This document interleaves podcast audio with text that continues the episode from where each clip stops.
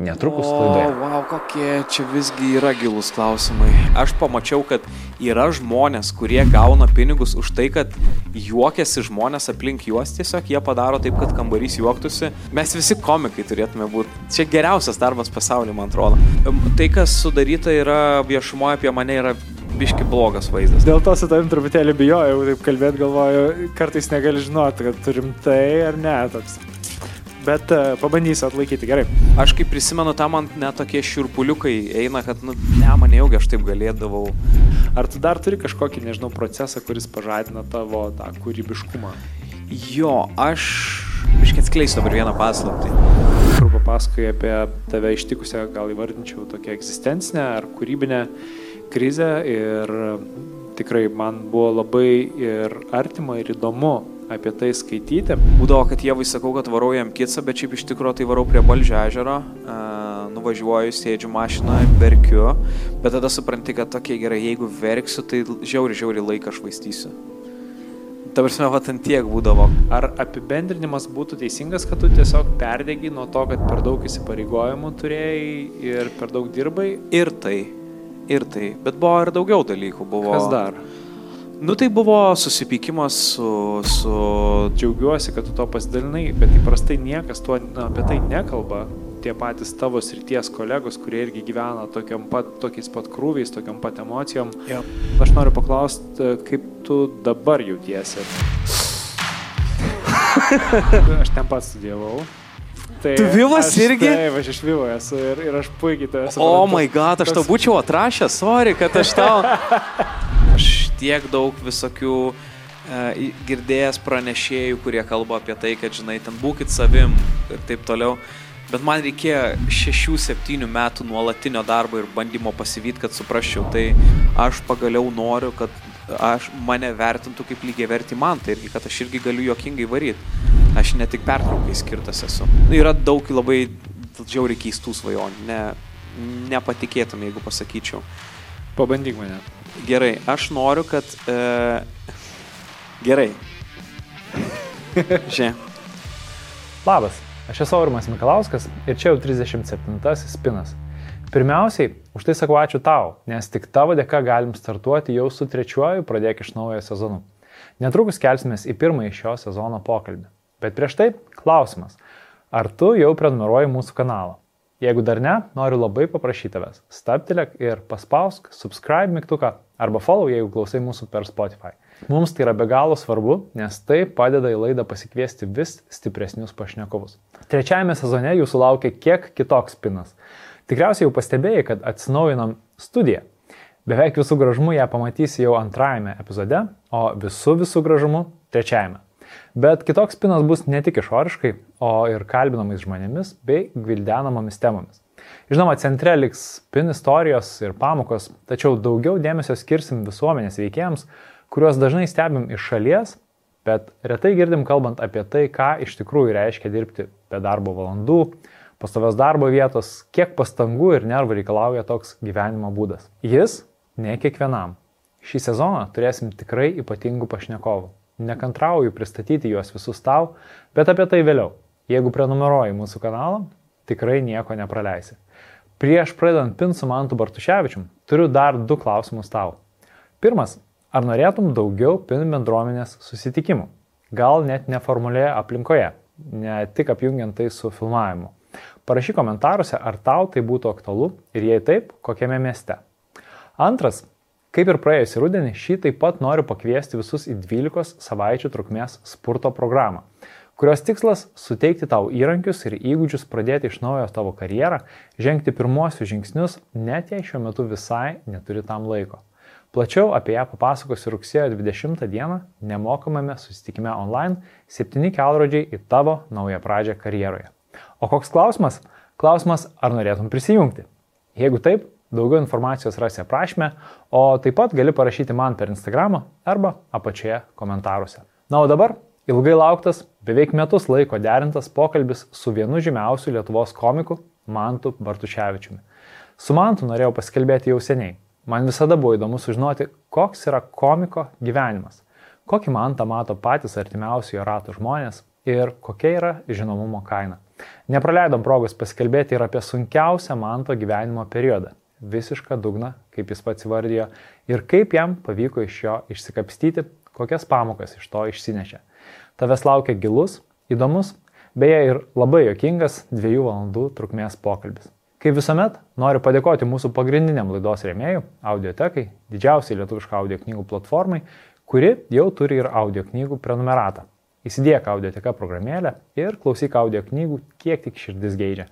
Vairuojant, sportuojant, vaikštant, tvarkantis namuose ar vedžiojant savo augintinį. Na ką, pradedam. Aš esu Aurimas Mikalauskas ir čia laida Pradėk iš naujo.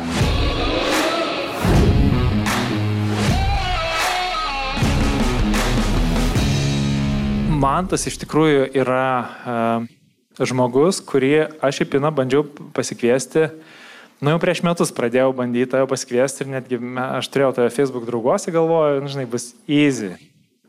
Ir čia buvo turbūt pirmieji mano bandymai, kokie prieš metus, va rugsėjai, spalį. Aš tau parašiau ir visiškai tu nesureagavai mano žinutę ir aš tada ten per visus pažįstamus bandžiau, nu, tipo, pakalbinkit mantelį, davai, e, ir niekas iš tikrųjų su tai, nu, net negryžo su manim susisiekti savo. Ir tada išėjo tavo, tavo pranešimas, e, tavo žinutė Facebook'e, gruo e, sausio, man atrodo, pradžia tai buvo ir perskaičiau ir galvoju, va, va, dabar aišku, kas buvo, kodėl tokia buvo visiška tyla.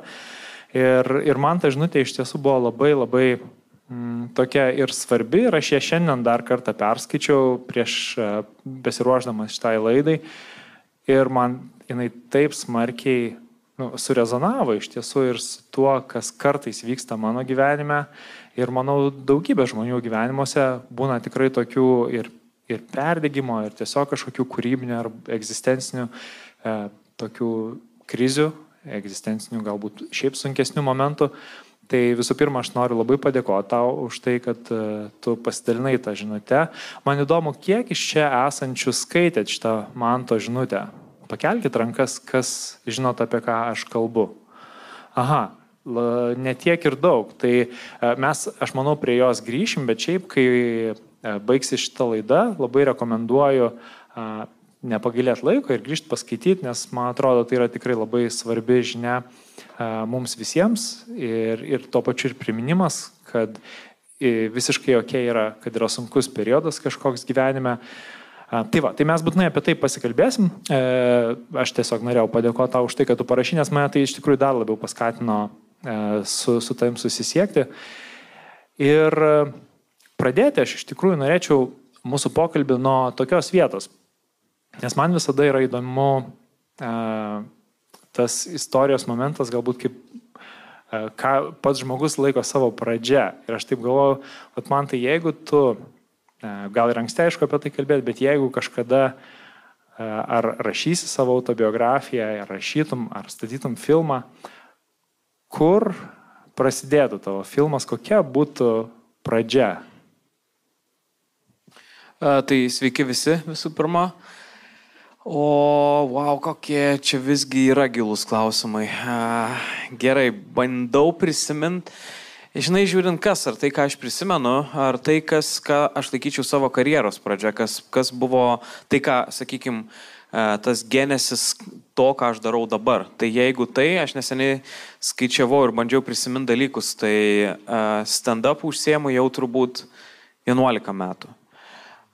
Tada aš kažkaip visą laiką, kai manęs paklausė, ar vedu vestuvės, e, aš vedu šiaip vestuvės, aš tik nelabai ne skelbęs, kad vedu vestuvės. Ir kai paklausė, kiek laiko, aš visą laiką kažkaip sakydavau, nu, nežinau, kokius 5-6 metus ir neseniai paskaičiavau, kad apie 12 metų jau vedu, vedu vestuvės, tai jau nemažai, nemažai kam esu sugadinę santokas. Tada, e, jeigu kalbėti apskritai apie tą sceną, buvimą scenoje, tai Aš sakyčiau, kad man prasidėjo turbūt visą tai nuo pirmų klasių, gal netgi dar prieš mokyklą, kai e, jau e, mane ten pastatydavo, kai giminė suvažiuodavo ant taburetės kažką pasakyti, dainą sudainuot. E, tada mokyklai man patikdavo nuo pradinių klasių eiti eit ant scenos, man patikdavo kažką daryti ir turbūt, kad su e, raiškiuoju skaitimu man po to e, prasidėjo tokie, kur jau aš jau mėgdavau kažką atlikti ant scenos, kažkokį tai dalyką, ten dalyvauti konkursiniai programai ir taip toliau. Tik kad po to mano gyvenime dainavimas prasidėjo. Tai tas dainavimas šiaip užėmė tuo metu, kai buvau mokykloje, nemažą mano gyvenimo dalį. Iš pradžių tai buvo bažnyčios horas, po to patarnavau ir aš psalmės gėdodavau. Ir aš viską darydavau, ir skaitinius skaitydavau, ir psalmės gėdodavau, aš praktiškai krikštydavau žmonės jau, bet aš tik Evangelijos negalėdavau skaityti, mane leisdavo, bet aš viską, vis, viską žinau, ką reikia padaryti aš buvau tikrai MVP, MVP klapčiukas. E, gal nenuskubėkime tada, nes man bus įdomu ir pakalbėti apie tai, kaip prasidėjo ir tavo kaip e, atlikėjo karjera, bet atlikėjo muzikanto, tai solisto, nežinau. Taip. Bet dabar pradėkim gal nuo to, kai tu atsakai, kad tave kaip mažą pastatydavo ant taburetės ar ne, kad kažką padeklamuoti ar pasakyti, ar tu jau tada mėgavaisi tuo procesu? Ne, Mane mama mėgdavo, mėgaudavo su to procesu. Man nelabai patikdavo šiaip netiesą sakant. Man jau vėliau patiko, kai e, kuomet tai mokyklai darydavau, e, kuomet mane stebėdavo bendramžiai. Ir e, aš šiaip, nu, žinai, yra toks dalykas, kai tu nesi išskirtinis labai savo išvaizdą, kai tu nesi kažkoks labai fiziškai stiprus ir akivaizdžiai nepriklausysi kvadrato rinktiniai ir negalėsi dėl to anksčiau išeiti iš pamokų, nes važiuoji į varžybas kai tu matai, kad tu nesi kažkoks tai čia ten galiūnas, gražuoliukas ir panašiai, tu ieškai būdų, kaip tau išsiskirti. Kaip, kas turėtų būti mano dalykas, kad mane atpažintų žmonės. Arba kas turėtų būti mano dalykas, dėl ko bent jau, bent jau nemuštų manęs mokykloje. Arba nesityčiotų iš manęs. Žinai, tu ieškai tokių būdų, kurie būtų savotiška savigina, gal netgi sakyčiau, nes, nu, jeigu aš dainuoju manęs, nu, gerai, jo, muškit mokyklos dainorėlį Niekas nenori teptis rankų su mokyklos dainorėliu. Tai ieškojau kažkokių būdų, kaip išsiskirti tuo, kam, kame aš gabus esu. Tai man atrodo, kad dainavimas turbūt buvo tas dalykas, kur aš jaučiausi gerai tame.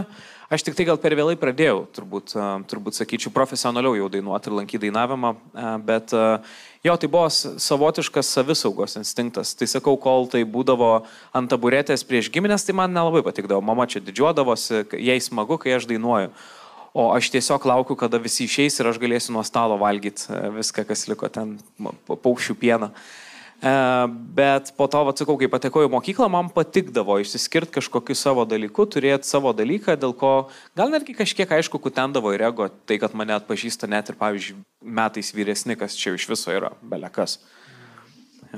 O koks vaikas tu buvai? Koks santykis, pavyzdžiui, tau su tėvais buvo, dar kai buvai toks mažesnis, kai va, ant taburetės tave statydavo? Aš suprantu, kad ne, tau nepatikdavo tai, bet iš principo, koks santykis buvo? Geras, labai santykis. Mano visą gyvenimą buvo geras santykis, išskyrus paauglystę. Man buvo tokia... Aš buvau ganėtinai protingas vaikas, bet aš buvau nervuotas ir man tokie mane greit buvo galima labai uždegti, aš degtukas buvau ir įžeis buvo galima greitai ir, ir uh, išprovokuot ganėtinai greitai mane buvo galima, bet aš toksai, aš nebuvau lab, toksai drasus, kad mane ten, pavyzdžiui, ir tai šiaip dabar skaudu yra, uh, kai žinai, kažkas, kas įskaudina tave gyvenime, tai su, su visais kažkaip bijau šiek tiek konfrontuoti arba nenoriu konfrontuoti Bet jeigu su žmona susiginčiam, tai aš nebijau ne tai, kad pakelt balsą, bet tiesiog griežčiau kalbėti arba ten eit link pergalės, nesvarbu, kad ir, kad ir kokie tavo argumentai būtų. Tai va tas biškis skauda. Tai lygiai tokia pati situacija buvo ir vaikystėje, kad ir kas tave įskaudintų mokykloje, tu kažkaip labai neini ten į, į didelę konfrontaciją ir į didelį konfliktą. Bet jeigu mama kažką pasakydavo, tai aš nebijodavau jai griežtai atsakyti. Ir aš, kai prisimenu dabar, kai buvau paauglys ir kai griežtai atsakydavau kažką mam, mamai, man dėl to žiauri, žiauri gėda dabar yra. Man, aš kai prisimenu tą, man net tokie širpuliukai eina, kad, nu, plema, nejaugi aš taip galėdavau atsakyti ir po to nejaugi man neskaudėdavo širdies, tai pasakius kažką tokio. Tai, bet šiaip mes, bet mes visą laiką gerai sutarėm ir e, mes sutarėm gerai labai su mama Su tėtė mes irgi sutarėm labai gerai, bet tiesiog tuo met, kai prasidėjo mano kaip jau dainininko karjera, uh, iš naujo su tėtė atradau savo ryšį, nes mes prieš tai irgi sutarėm, bet nu, jis toksai klasikinis tėtis buvo, kur eini į lauką, tai gerai, tik tai grįžk. Viskas. Esmė, visas jo rūpestis yra, kad aš grįžčiau tiesiog. Neig, ne, kad ten nesusilaužyk nieko, apsirenk, kaip mama ten, visas detalės yra. Tiesiog grįžk. Tai jisai toksai, kur, nu, klasikinis tėtis, kur gal per nelik daug nepraleidžia laiko su vaiku, jis kartais galbūt jam įdomiau ten teliką pažiūrėti ir panašiai. Bet sakau, kai prasidėjo dainavimas, jisai, nežinau, ar jisai gal jam smagu ir pačiam buvo, kad mes suradom gerą ryšį, jisai vežiodavo mane į konkursus visą laiką ir mes daug su jo laiko praleisdavom. Tai baigęs mokyklą, kai pabaigiau mokyklą, turėjau labai gerą ryšį su abiem tėvais e, savo ir e, tada išvažiavau studijuoti. Ir tada geriausias dalykas, kai išvažiuoji studijuoti, kad grįžti por, e, ten po poro savaičių grįžti namo, praleidai dvi dienas, tai yra nu, tos geriausios dienos. Ta prasme, aš įsivaizduoju, kad vat, nu gerai, nesakysiu dar tokių bairių, gal biškai per anksti, bet po to pasakysiu. E, bet, tipo, čia, e, aš atvažiuoju savaitgalį, vieną dieną susitinkam kartu praleidžiam, kitą dieną galbūt aš dar pas klasiokus nueinu ten pabūnu ir panašiai, ir sekmanį aš išvarau. Ir viskas, ir tiek ir te matai, tai mama tiesiog spėja pasilt, o aš nespėju atsibosti ir tada vėl išvažiuoja. Ir po dviejų savaičių vėl susimatom, tai buvo geras ryšys e, ir iki dabar labai šiaip gerai sutarėm. Šiandien mano mamos gimtadienis yra, tai va ką tik kalbėjom. Sveikinam tavo mamą. Na, ačiū. Sveikinu tavo mamą. uh, išmušiai. Aš, aš atsiprašau, čia galima taip kalbėti? Galima, galima, galima ne? Ok, gerai. Ja. Jaučiu, Laurinavičius taip nekalbėjo, ne? Aš dėl to su tavim truputėlį bijojau taip kalbėti, galvoju, kartais negali žinoti, kad turim tai ar ne toks. Bet uh, pabandysiu atlaikyti gerai. Uh, dabar klausimas man dėl, dėl dar tavo tėvų. E, vienas dalykas, kas man e, įdomu, kodėl, kai atsirado dainavimas tavo gyvenime, atsirado ryšys su tėčiu. Jis kažką bendro tame turi, ar tiesiog jį... Ne, nežinau. Taip supuolė kortos tiesiog. Jis teisės turėjo mane vežioti.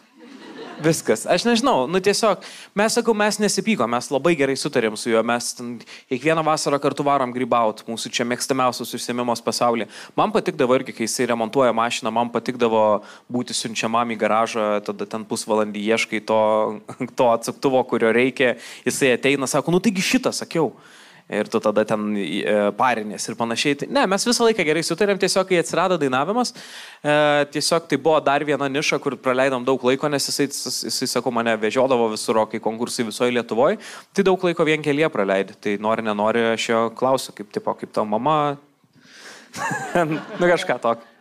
Geras. Iš tikrųjų, e, automobilio taisymai man labai priminė mano jau, jau daug metų amžinatelis senelio. Iš tikrųjų, mes irgi ryšį būtent turėjom per tai, kad mes kartu tvarkydom, nu, tas kartu tvarkydom, taip, taip, taip. tai aš ieškodavau to atsuktuvų. E, bet e, kiek aš žinau, tau senelis irgi, ne, buvo autoritetas didžiulis. O jo, at, iki, iki, iki pat dabar, taip, taip. O kada jis taip nu, atsirado, sakykim, ryškiai tavo gyvenime? Kada buvo tas? Aš sergu bronchinę asmą. Galvoju, dabar iš publikos bus. O. Ir tada būčiau sakęs, bet man viskas jau gerai dabar yra. E, tai aš, sirg, aš sirgau, galima sakyti, aktyviąją bronchinę asmą, aš ją turiu dabar, bet, nu, jinai tokia nieko, nieko per daug nekiša kojos mano gyvenime dabartiniam, bet tuo metu tai man sunku būdavo ir man uh, trukdydavo kvėpavimui labai, aš turėdavau priepolius, aš mane nekartą vežė į ligoninę, kur jau ten minutę ar ten pusantros būnu nustojęs kvėpuoti, visiškai nebegaliu, užsikimšį ir neprakvėpuoju. Tai buvo ir ten, nu, tokių labai blogų, blogų atvejų. Ir dėl to man buvo išrašytas gydimas, aš e, turėdavau važiuoti į palangą, į sanatoriją ir ten 18 dienų per mėnesį aš ten būdavau. Tai aš praktiškai savo tokius metus, kuriuos aš pamenu, ten jau kokie man kaip 5-6 metai, tai aš, pris, aš daugiau laiko turbūt palangoj praleisdavau negu, negu Vilkijoj. Ir senelis e, kaip tik e, su manim būdavo visą laiką, mes jo ir viesė keliaut, nu, važiuodavom į sanatoriją ir ten būdavom.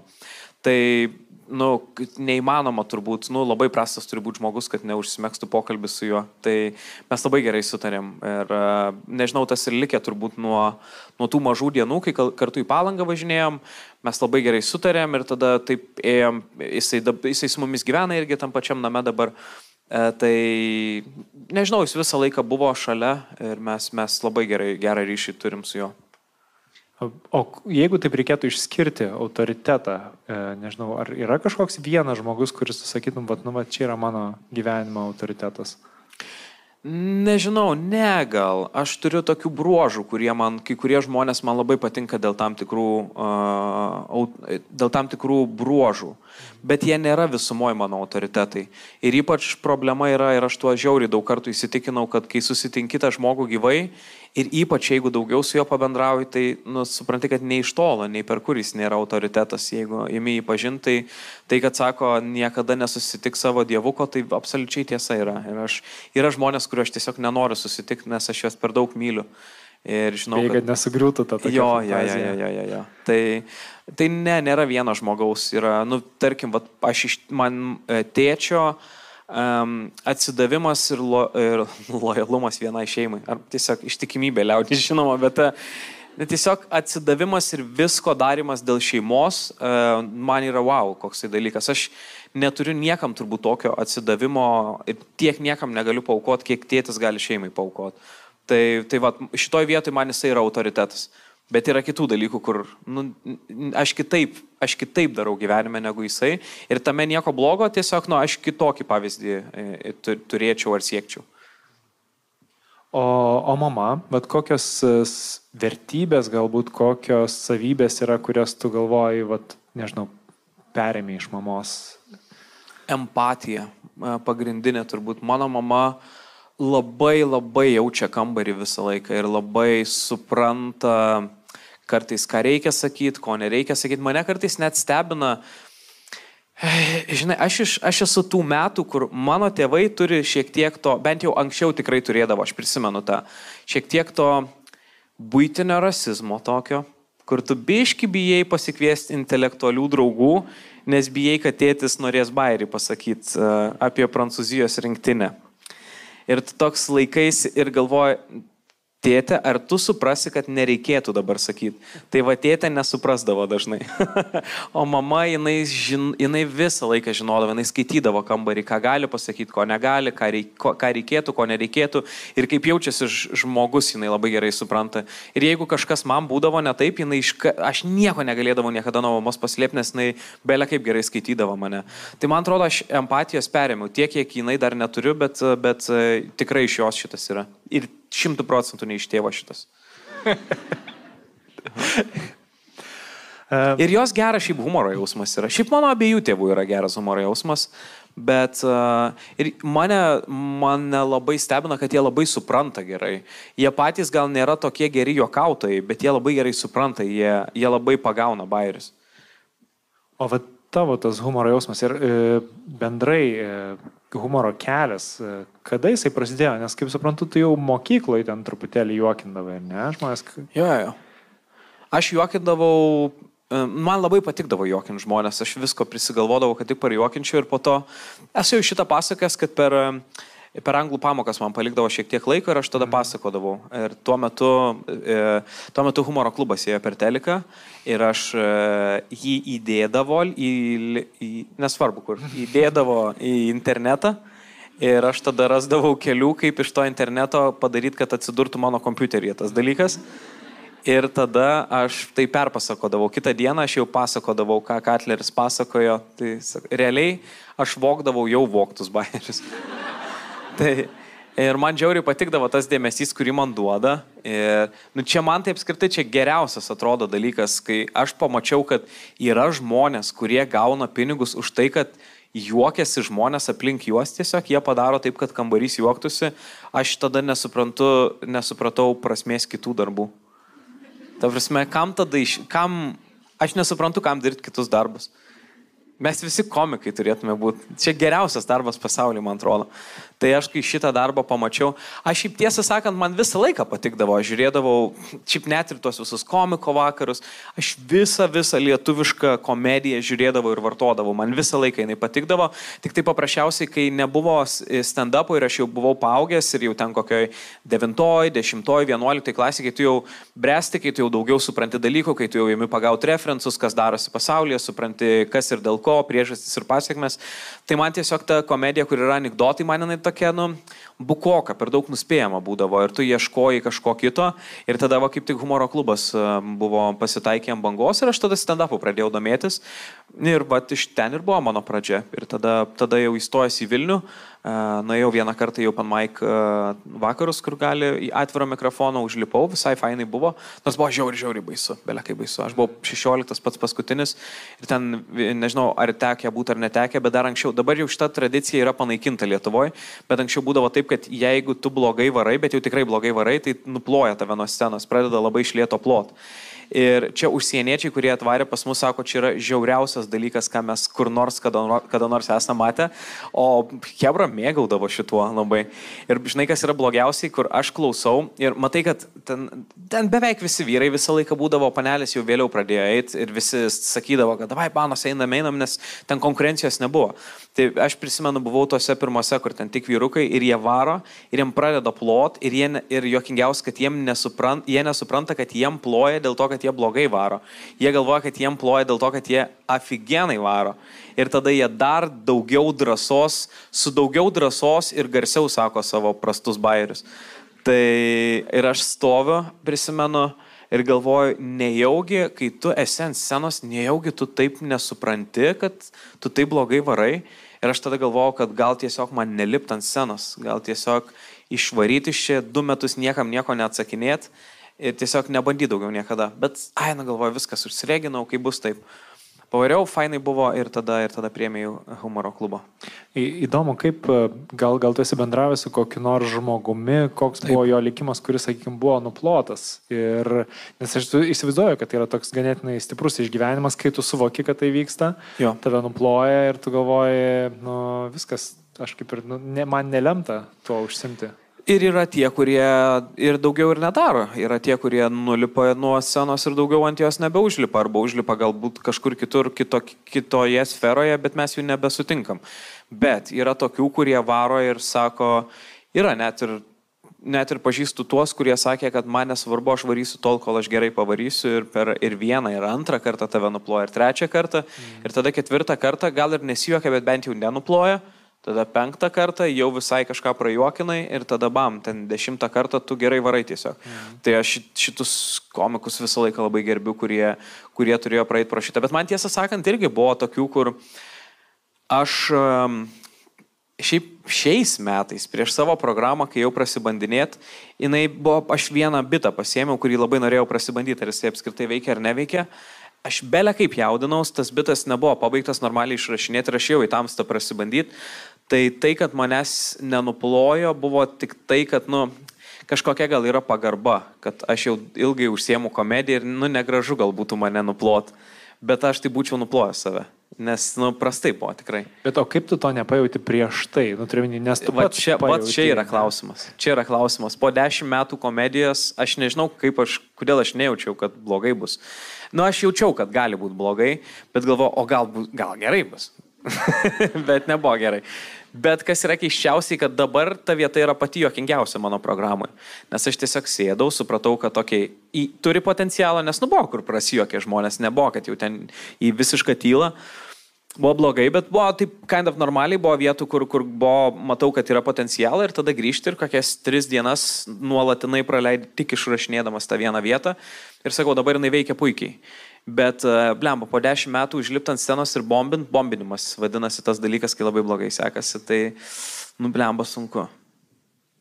Aš, pavyzdžiui, dėl to suprantu kai kuriuos žymius žmonės, kurie yra pasakę, kad norėtų pasitandapinti, bet nedrįsta ir neina, nes, nu, daug atsakomybės tavo. Žinai, koksai, pavyzdžiui, Algis Ramanauskas, žinau, kad jis nori tikrai, nu, bent jau norėjo šimtų procentų ir netgi buvo užsirašęs, Bet nu jis toks, aš nesak, gal biški pasakyti, kad turi ką prarasti, yra per, per griežtas pasakymas, bet jis nėra visiškai neteisingas.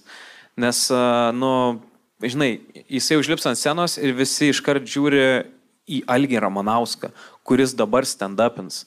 Nu, tau lūkesčiai labai aukšti. Lygiai taip pat ir Vaidotas Grincevičius irgi norėtų stand-upint, bet nu jam baisu yra, nes jis nešasi daug labai spaudimo ant savęs.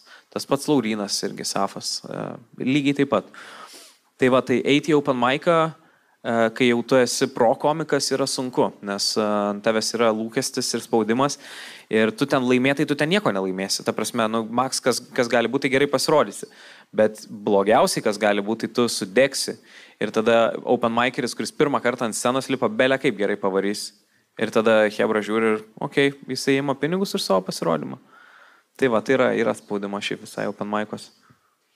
Aš šiaip, kai tu pasakai šiek tiek anksčiau apie savo mokykloje pradžią, aš išgirdau vieną tokį svarbų dalyką, kurį man atrodo, nu, aš tiesiog norėčiau galbūt užfiksuoti ir, ir, ir iš tavęs dar išgirsti dar kartą, ką tu apie tai manai, bet kas man labai patiko, kad pirmieji tavo pasirodymai, kurie buvo mokykloje, tai kaip tu sakai, pasakodavai uh, voktus bairius, kurie jau vokti buvo. Ir čia yra įdomumas tame, kad mes, nu, aš kiek susiduriu su žmonėmis, kurie kažkokį kūrybinį darbą dirba ir jį daro pirmą kartą, na tarkim, dizaineris kuria kažkokį tai dizainą. Ir toks iš karto yra ir noras, ir lūkestis padaryti labai originaliai. Žinai, labai kitaip negu visi kiti, visi kiti tai daro. Ir nežinau kaip tau, bet mano kelias, nu, kaip dabar jau žinau kaip tau, bet mano irgi kelias buvo toks, kad aš pačiai pradžiui, kai mokiausi, na tarkim, kad ir programavimo, ten sistemo optimizavimo, tokių visai keistų dalykų, bet aš iš pradžių mokydavausi atkartoti labai gerai tai, ką kažkas kitas jau yra daręs. Mhm ir tik po to kažkaip pradedi, nu, taip, eiti off script, žinai, ja. kažką savo galvoti ir kažkaip kitaip padaryti. Arba tas pats, pavyzdžiui, naujienaiškių rašymas, turbūt vienas iš dalykų, kurį, kur, kuriam aš labai daug laiko skiriu. Pradžioje aš tiesiog bandydavau vos ne perrašyti kitų rašytus laiškus pagal visas formulės, pagal ten visokius aprašymus. Tai man atrodo, kad tai buvo labai svarbi proceso dalis ir aš šiaip bendrai visus, kas nori pradėti kurti kažkokią naujos rytį, tai skatinu pabandyti kuo geriau atkartoti tai, ką kažkas kitas yra daręs, pabandyti nukopijuoti, perdaryti tai lygiai taip pat, kad gauti tokį pat rezultatą ir man atrodo tai yra svarbi dalis. Ir aš ką girdėjau už tavęs, kad turbūt tau irgi tai buvo labai svarbi dalis, kai tu mokykloje pasakodavai bairius, kuriuos jau kažkas kitas pasakoja, tu mokysi kaip tuos pačius bairius dar geriau papasakoti. Ir... Jo, tu, tu mm, matai, kai tu esi mokykloje, kalbant apie stand-upą, tai kad jau, kad ir gali suprasti bairius tokius tokio lygio, kaip pavyzdžiui tuo metu humoro klube sakydavo, bet sugalvotų dar nesi, man atrodo, pakank, bent jau mano laikais tai buvo, kad kadangi nebuvo visiškai stand-up kultūros, mes nelabai turėjom Lietuvoje iš ko mokytis, turėjome iš lietuvių, Tai mes ir tokie buvom stand-upiškai neraštingi visiškai ir ne, neturėjom jokių pavyzdžių. Ir, ir sugalvoti dvyliktokui bairį, nu, nelabai tu pats sugalvosi, tu dažniausiai ir darai kažkieno. Bet tai nėra, žinai, kažkoks ten, kad vagystė ar kažkas, aš tiesiog norėjau, kad uh, perpasakot, kad kitiem būtų linksma. Ir tada, kai jau patenki į šitą pasaulį, tai supranti, kad stand-up esmė šiaip yra daryti savo dalyką, būtent ir kurti savo dalyką. Tai ir čia su tom pradžiom, tai e, stand-up'e mes neseniai kalbėjom, kaip tik su kolegom, kad e, aš buvau nuėjęs dabar jau pan Maiką vieną atvirą mikrofoną, šiaip užmestakį, kas, kas geresnio, kas gal yra kažkokių naujų fainų žmonių. Ir aš pastebėjau lygiai, lygiai tą patį dalyką, kaip ir anksčiau eidavau į Open Mic'us, lygiai tas pats ir dabar. Tai yra tie, kurie užlipa ant scenos pirmą kartą ir ypač jaunimėlis, jiem labai svarbu kalbėti apie ta prasme, juodžiausiam temom varyti. Būtinai apie abortus, būtinai apie ten bomžai visur, visur seksas, visur ten lytiniai organai varyti. Ir aš net negaliu prieiti prie jų ir sakyti, tau nebūtina. Ta prasme, atras kažką apie ką tu gali, kas tau įdomu, nejaugi tu tai, bet jie visi įsivaizduoja, kad mes esam undergroundas, mes esam niša ir mes visiškai prieš srovę ir mes, mes pakeisim pasaulį. Ir aš suprantu, kad jip šito būtent reikia. Tegul jie bando keisti pasaulį ir viskas su tuo yra gerai. Tiesiog po to, kai suaugi tame, pamatai, kad nu, ne, nebūtina visiškai apie, apie pradėti nuo abortų savo stand-up. Yra dar temų, bent, aš bent tris žinau. Tai, tai, bet čia sakau, bet čia su metais. Ir aš pastebėjau ant daug komikų. Tie, kurie augo ir kuriuos aš stebėjau nuo pat pradžios, jie visi pradėjo nuo šlikščių bairių, nes šlikštumas, aš nežinau kodėl, bet jis tiesiog yra dalykas. Kai tu pradedi, nori kuo šlikščiau, nupošlinti viską, nušlikštint. Ir tada po, su metais tu supranti, kad tu nenori, kad atbirėtų tavo publika. Ta prasme, tu, mes esam Lietuvoje, mes gyvenam Lietuvoje, tų miestų nėra tiek jau daug, žmonių nėra tokia masė, kad tu galėtum drąsiai lysti į nišą ir tikėtis, kad per metus turėsi 50 pasirodymų. Taip nebus. Tu turi suprasti, kad uh, šiek tiek reikia kompromiso tarp, tarp tavęs, ką tu nori pasakoti ir ką publika nori girdėti. Aš nesakau, kad reikia pilnai leistis į kompromisus ir pasakoti tik tai tai, ką jūs norėtumėte išgirsti. Aš noriu savo įdėti irgi dalyko, bet tuo pačiu aš negaliu taip mm, atžagarę ranką paimti ir nubraukti visus ir lysti į nišą. Tai labai pavojinga. Ir plus tai, kartais sakau, tai nėra niša, tai yra tiesiog dar nepatyrimas daugiau. Tai va, o, bet aš ir aš nesakau, kad su šlikščiom temom yra kažkas blogo. Ta prasme, yra suaugusių gerų komikų, kurie protai daro. Ir gal netgi jie, galbūt kai kurie iš jų, kai sauks, jie irgi varys profesionaliai šlikščią komediją, su kuo viskas yra gerai. Ir e, man jokinga yra, kai, kai kažkas tam po renginių ateina, čia aišku, dažniau vyresni žmonės tai būna, kur, nu labai jau, labai jau ten apie vieną galą, tik tai nejokinga buvo čia ne, tai nėra konstanta. Ta prasme, jeigu aš pasakosiu apie, kaip pavyzdys, apie aną galą, tai nebūtinai automatiškai yra nejokinga. Apie tai galima žiauriai jokingai sugalvoti ir papasakot. Problema, jeigu jum atrodo ir jeigu jum užsitrigerina galvoj kažkas, kai aš pasakau žodį bibys, tai tada jumise yra problema nes e, jis gali, jis gali būti ir juokingas, beje. Nerodysiu dabar, bet jis gali būti ir juokingas. Tai tiesiog problema nėra objekte, problema yra, kad gal iš tikrųjų nejuokingas tas bairis buvo, bet čia yra problema.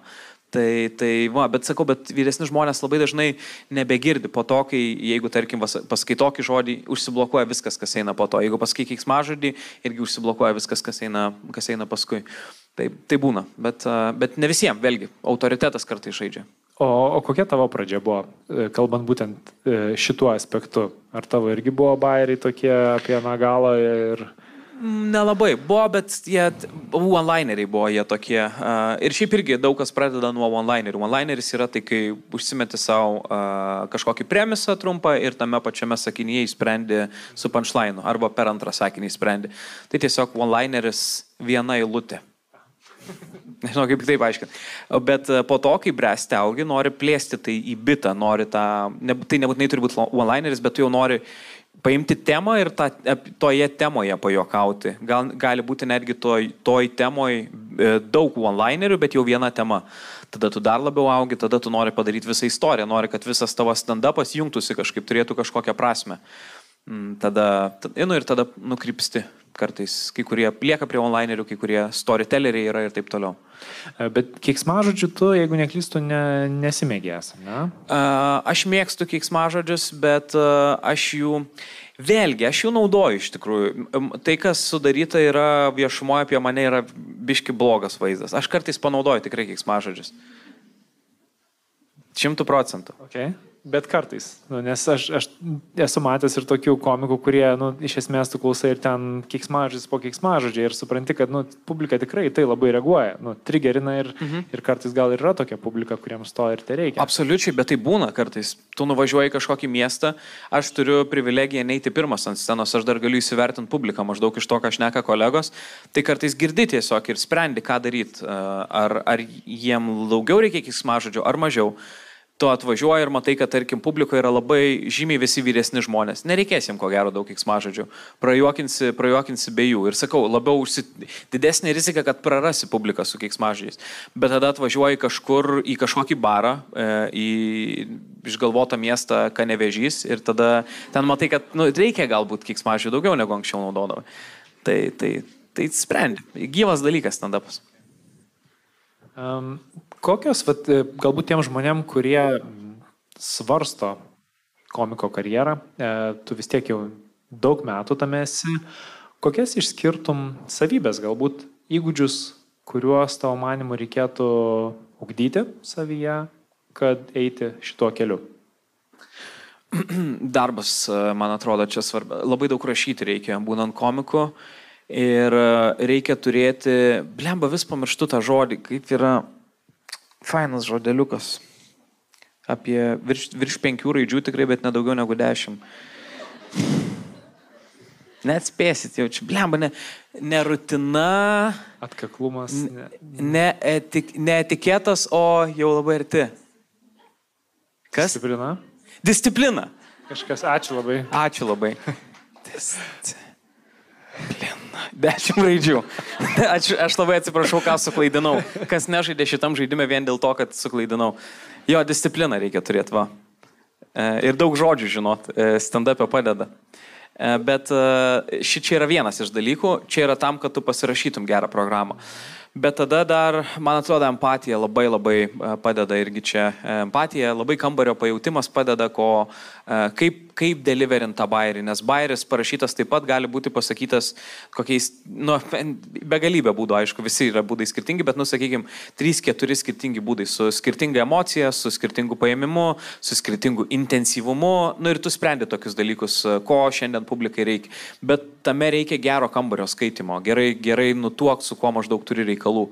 Tai šitas žiauriai praverčia. Uh, nežinau, originalumas labai, labai, labai smagu matyti, ypač dabar. Uh, mes juokavom, kad stand-uperiai dabar yra mūsų laikų didžiai. Pas mus buvo belė kaip kieta būti didžiajam, visi buvo didžiai. Uh, ir dabar visi stand-uperiai yra. Dabar daug labai tikrai stand-uperiai yra didelį pakilimą, bet ne tik Lietuvoje, pasaulyje išgyvena dabar didelį pakilimą stand-upas. Ir visi nori būti stand-uperiais e, ir tada, tada ieškai originalumo, nes e, klausai visus stand-uperius, visi nori būti išskirtiniai ir tuo tampa panašus. Tai trūksta to hmm. kartais originalumo.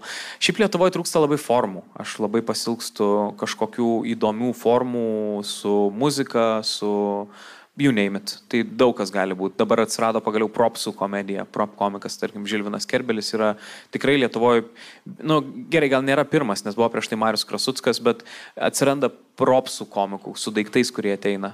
Su daugiau, nu ten Stonkus įnešė daugiau aktorystės ir daugiau stipresnį delivery į stand-up komediją. Tai vad norisi kuo daugiau žanrų, norisi, kad išeitų iš, iš tų klasikinio stand-up rėmų ir užgimtų dar visokių fainų dalykų. Gerai, pradžiai tada prieikim prie disciplinos. Ką, ką tai reiškia? Nu, praktiniais, taip sakant, ką, ką tai reiškia praktiškai.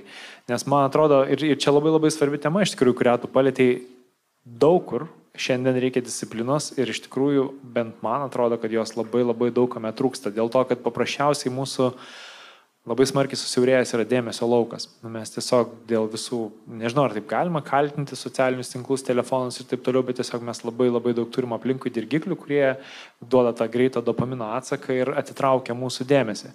Tai čia, sakykim, vienas, viena iš problemų, kurią aš matau siekiant tos disciplinos. Bet man įdomu iš tavęs išgirsti, ką, kaip atrodo tavo nu, disciplinuota, nežinau, diena, savaitė, kai tu turi, pavyzdžiui, pasiruošti kažkokiam tai pasirodymui. A, jos labai skirtingos, ne, negyvenu tokių pačių dienų. E, ir dažnai tiesiog, kai, kaip čia, Nežinau, nuo ko čia pradėti su ta disciplina. Ir dabar, kai tu pasakėjai apie tai, kad apie dėmesio išlaikymą, tai dabar rašant labai turi turėti tai omenyje, kiek žmonės dėmesio nebeišlaiko ir tas attention spanas yra labai sutrumpėjęs. Ir kartais rašydamas, aš šiaip sakiau, kad aš nenoriu daryti didelių kompromisų, aš tikrai, aš neįsiu pas tik toko kartą. Jeigu nori, jie gali ateiti pas mane, aš neįsiu pas juos, aš grėtinės nevalgysiu. Aš, mes kai nufilmavom šaltį, prisimenu, realybės šou. E, su Hebra aš sumontavom su operatoriumi pirmą seriją. Ir jie visi sako, labai sako, cool serija, bet sako, jinai yra per lieta šitai kartai. Ir aš sakau, gerai, tada aš leidžiu, aš netaisysiu tada šitos serijos, nes nu, aš nenoriu, aš noriu parodyti tai, ką aš noriu parodyti. Ir man tiesiog iškarpyti ganėtinai reikiamus dalykus tik dėl to, kad jie šiek tiek gal nuobodesni, nu gerai, neskau, kad nuobodesni, bet kažkas nori, va, taip, va, kaip čia ir dabar nori bairis, bairis, bairis, bairis, bairis, kitu atveju, jeigu bus tyla, aš perjungiu į kitą. Tai aš nenoriu taikytis prie šitos kultūros, man tai ne, nelabai patinka, bet jo, bet turi turėti toje omenyje, kad negali užsiliuliuoti su, su ilgais. YouTube'as tai iš viso, ta prasme, tai jeigu tavo YouTube įrašas bus prastas, šalia tavo įrašo yra bent septyni kiti dar, kur va taip va tiesiog pereisiu jį ir viskas. Tai turi, turi tai turėti omenyje. Uh, Bet jo, grįžtant dabar prie disciplinos, tai nežinau, aš stengiuosi, kai tik yra nuotaika arba kai jos nėra, kuo daugiau rašyti dabar. Ateina dabar didžiausias metų darbas, tai yra naujos programos rašymas. Tai kai rašai naują programą, nu tai kokį du mėnesį išmesti iš gyvenimo būna, nes rašai visada ir visur. Baigėsi renginys, ten kokias vestuvės tas pačios baigėsi, kokią ten pusę pirmos tada tu važiuoji net ne į namus, o į Mkitsą iš karto šauni rašai, rašai, rašai iki ryto, kol jau jauti, kad nelabai gali, tada varai išsimiego. Čia nėra gerai, aišku, aš apie, apie tai turbūt pakalbėsim irgi. Tai dabar stengiuosi šiek tiek tvarkyti su šitu nereguliarumu. Tai, bet vis tiek, nu, tiesiog daug rašai, labai labai daug rašai. Daug rašai sėdi, kartais nesirašo, tada bandai prisivers kažką vis tiek parašyti. Aš stengiuosi pakaitalioti temas. Jeigu man vienoje nesirašo, aš tada jau įimu kitą, rašau kitą. Tada grįžti arba įimi dar naują ir tada pildai e, daug, daug lėjerių, darai per daug, per daug temų. Nes jeigu pasimsi vieną, užstringi, nu tai galėtų valandą laiko prasidėti ir niekas tau nešauna į galvą. Tai va, tai bandai rašyti viskas, viską, kas šauna tavo galvą, nes tas melas, kad prisiminsiu, tai čia visi stand-uperiai žino, čia yra pirma pamoka, kad neprisiminsi. Čia yra kaip sapnas. Tuo metu atrodo, kad prisiminsi, bet iš ryto neprisiminsi. Tai, tai va, viską. Aš. E, bet vis tiek praktiškai, nu, man taip knieti sužinoti, nes aš, e, pavyzdžiui, netgi šitoj, pači, šitoj pačiai vietoj su Tapinu kalbėjom tą temą apie tai, kaip jis, tarkim, knygą rašo, ne, ir jis sako, nu, tipo, aš rašau, rašau knygą, ten žinutė ateina, rašau, čia turiu kažką paskaityti. Nu, toks, jisai nuolat yra multitas, tokia multitaskė ir niekad ne, nu, neprisėda, kad, sakykim, pilnai prie tos užduoties. Kaip pas tave atrodo tas rašymas? Ar tu irgi rašai, rašai? Pas mane irgi daug multitaskinimo. Aš tik tai stengiuosi išvengti to, šiaip YouTube'as labai labai prisideda prie, prie viso prokrastionavimo, nes tu rašai ir tada galvoji, gerai, aš įsijungsiu dabar pailsėjimui kažką YouTube'ui pažiūrėti ir už dviejų valandų žiūri, kaip upiai stirnos gimdo. Nu toks, kur kaip mane čia nunešė, kiek aš peržiūrėjau vaizdo įrašų kur jau žiūri, kaip džiunglėse ten baseinus tuos kasa tie du bičiukai su rankom. Kaip? Žinau, žinau, esu ten buvęs. Jo, jo, jo. Tai prasme, žinai, kaip aš kartais pastebiu šitą jau to pliusą, kai nueinu mašinos pažiūrėti, aš žiūriu, pradedu žiūrėti tokias mašinas, kiek aš, kiek aš susiplanavęs išleisti. Bet tada galvoju, gerai, bet man dar sumokės už kitą mėnesį, nu davai, dar biški prisidedu 2000 tada ir tada ant galo Poršus žiūrėjau. Ir kur, kur buvo, kaip aš taip greit perėjau, aš nesuprantu. Tai va, tai šitie, aš kartais e, dabar stengiuosi gaudyti save, kai, kai jau prasideda kai, kai jau pradedu eiti, ne, kai neįrašau į paiešką vaizdo įrašo, o kai jau einu į rekomenduojamus visus, aš suprantu, kad gerai, pasilsėjau, reikia tęsti toliau. Bet tai yra gerai, nes e, tas, pavyzdžiui, kad ir YouTube žiūrėjimas ar kažko, aš išeinu prasivaikščiot, man, man šiaip vaikščiant labai rašosi, aš e, į telefoną užsirašinėjau, man gimsta mintis visokios, tai aš būna išvažiuoju į Kitsą, išeinu apeit nemažą ratą E, man šauna idėjas, aš jas užsirašau į telefoną, tada grįžtu jiem kitsą, atsisėdu prie stalo, jas išsirašau į kompą ir tada ką aš galiu apie jas pasakyti, ką aš galiu apie jas išrašyti plačiau. Tada pavargstu ir vėl išeinu į lauką ir vėl, nu žodžiu, va, toks, toks ir tas rašymas. Tai kito dalyko darimas man visai patinka, nes man e, gimsta idėjas kažkokios. Ir man šiaip labai patinka veikti dalykus, nes juos veikiant e, tau nereikia stand-upo arba komedijos galvoti nuo nulio Visiškai, nes, pavyzdžiui, kaip, kaip užėjo COVID, buvo žiauriai sunku komediją daryti, nes tu nieko neveiki gyvenime apskritai. Tu neturi jokių naujų patirčių, kur iš ko galėtum rašyti. Tu tiesiog turi iš prisiminimų, iš, nu, ta komedija tokia iš lygios vietos gaunas. Tu daugiau fantazuoji, negu kad išgyveni. Tai, tai e, komed, tam, kad darytum komediją, man atrodo, daug veikti yra ne, ne, neblogas dalykas. Tai va. Okay. Kitas dalykas, nu, apie empatiją tu šiek tiek pasakoji, kad mama buvo tai, kas tavyje ūkdė empatijos tą jausmą ir kambario tą pajutimą. Nors įdomu man dėl kambario pajutimo, kaip tu jauti tą kambarį, kai esi virtualioje erdvėje. Nes vėlgi, nu, tarkim, tu kuri kažkokį podcast arba nu, pasimatymas buvo tavo paskutinis video ar ne, ir tu jį kuri kažkokiai virtualiai, nu kaip ne virtualiai auditorijai, supranti, kad tai tikra auditorija, bet kaip tu tada pajauti ją, ar tu tiesiog jau nusi, nusprendi pats, kokiai auditorijai komunikuosi tą. Matai, tada auditorija jau pati ateina pasižiūrėti ir jeigu jiem nepatinka, jie išeis, aš jau nieko čia nebepadarysiu uh, su visais su video įrašais. Jo, jo, su šitą irgi prasprendęs. Tiesiog jau pasirenki kokią auditoriją. Taip, taip, taip, taip, taip. Ta, um, nu čia mm, lygiai tas pats, žinai, kur fest, tiesiog vyksta festivalis ir daug scenų yra ir žmonės atėję Da prasme, aš, aš groju tiesiog savo gabalus ir kas norės, tas ateis manęs klausyti. Bet tuo pačiu metu ir Red Hotai groja šalia, tai žinai, kažkas eis Red Hotų klausyti turbūt. Gal nebuvo geriausias pavyzdys, čia labiausiai hiperbolizavau kaip galima, bet esmę suprato turbūt. O originalumas, dar vienas dalykas, ką minėjai, ir turbūt kūrybiškumas. Kaip tu pats, uh, nu, jau turbūt vienas iš dalykų minėjai, veikti kažkokius įdomius dalykus, iš čia turbūt gimsta. Ar tu dar turi kažkokį, nežinau, procesą, kuris pažadina tavo tą kūrybiškumą? Jo, aš, biškai atskleisiu dabar vieną paslaptį.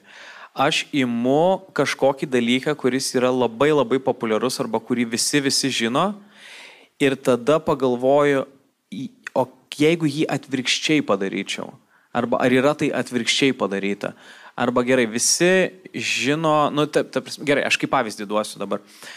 E, čia vienu metu dabar buvo toks trendas, kur e, bičiai sportuoja sporto salėje ir ateina valytojas, kuris, kuriam reikia patraukti štangą. Aš sugalvojau, kad o jeigu du valytojai valo e, salę ir tada ateina sportininkas ir jis sako, gal galima biškelį pasitraukti man ten štangą ir tada paima. Sušluota valyti tiesiog pradeda ir valytojai, o oh, wow, jisai moka valyti irgi. Tai tiesiog Nežinau, ar supratot, ką norėjau pasakyti, bet imti kažkokį dalyką ir galvoti iš kitos pusės. Lygiai taip pat, e, e, tipo, mes visi, nu čia aš kaip pavyzdį dabar sakau, kad mes visi ten, e, e lėktuvų bairiai yra labai populiarus dalykas ten apie, apie ten maistą lėktuvas ir taip toliau. Žodžiu, net, net nesigilinsiu į tai, aš tiesiog esmę noriu pasakyti, kad kai mes galvojam bairius apie skridimą ir apie lėktuvus, tarkim, apie keliones, tai mes dažniausiai tai galvojam iš keliaivio pusės.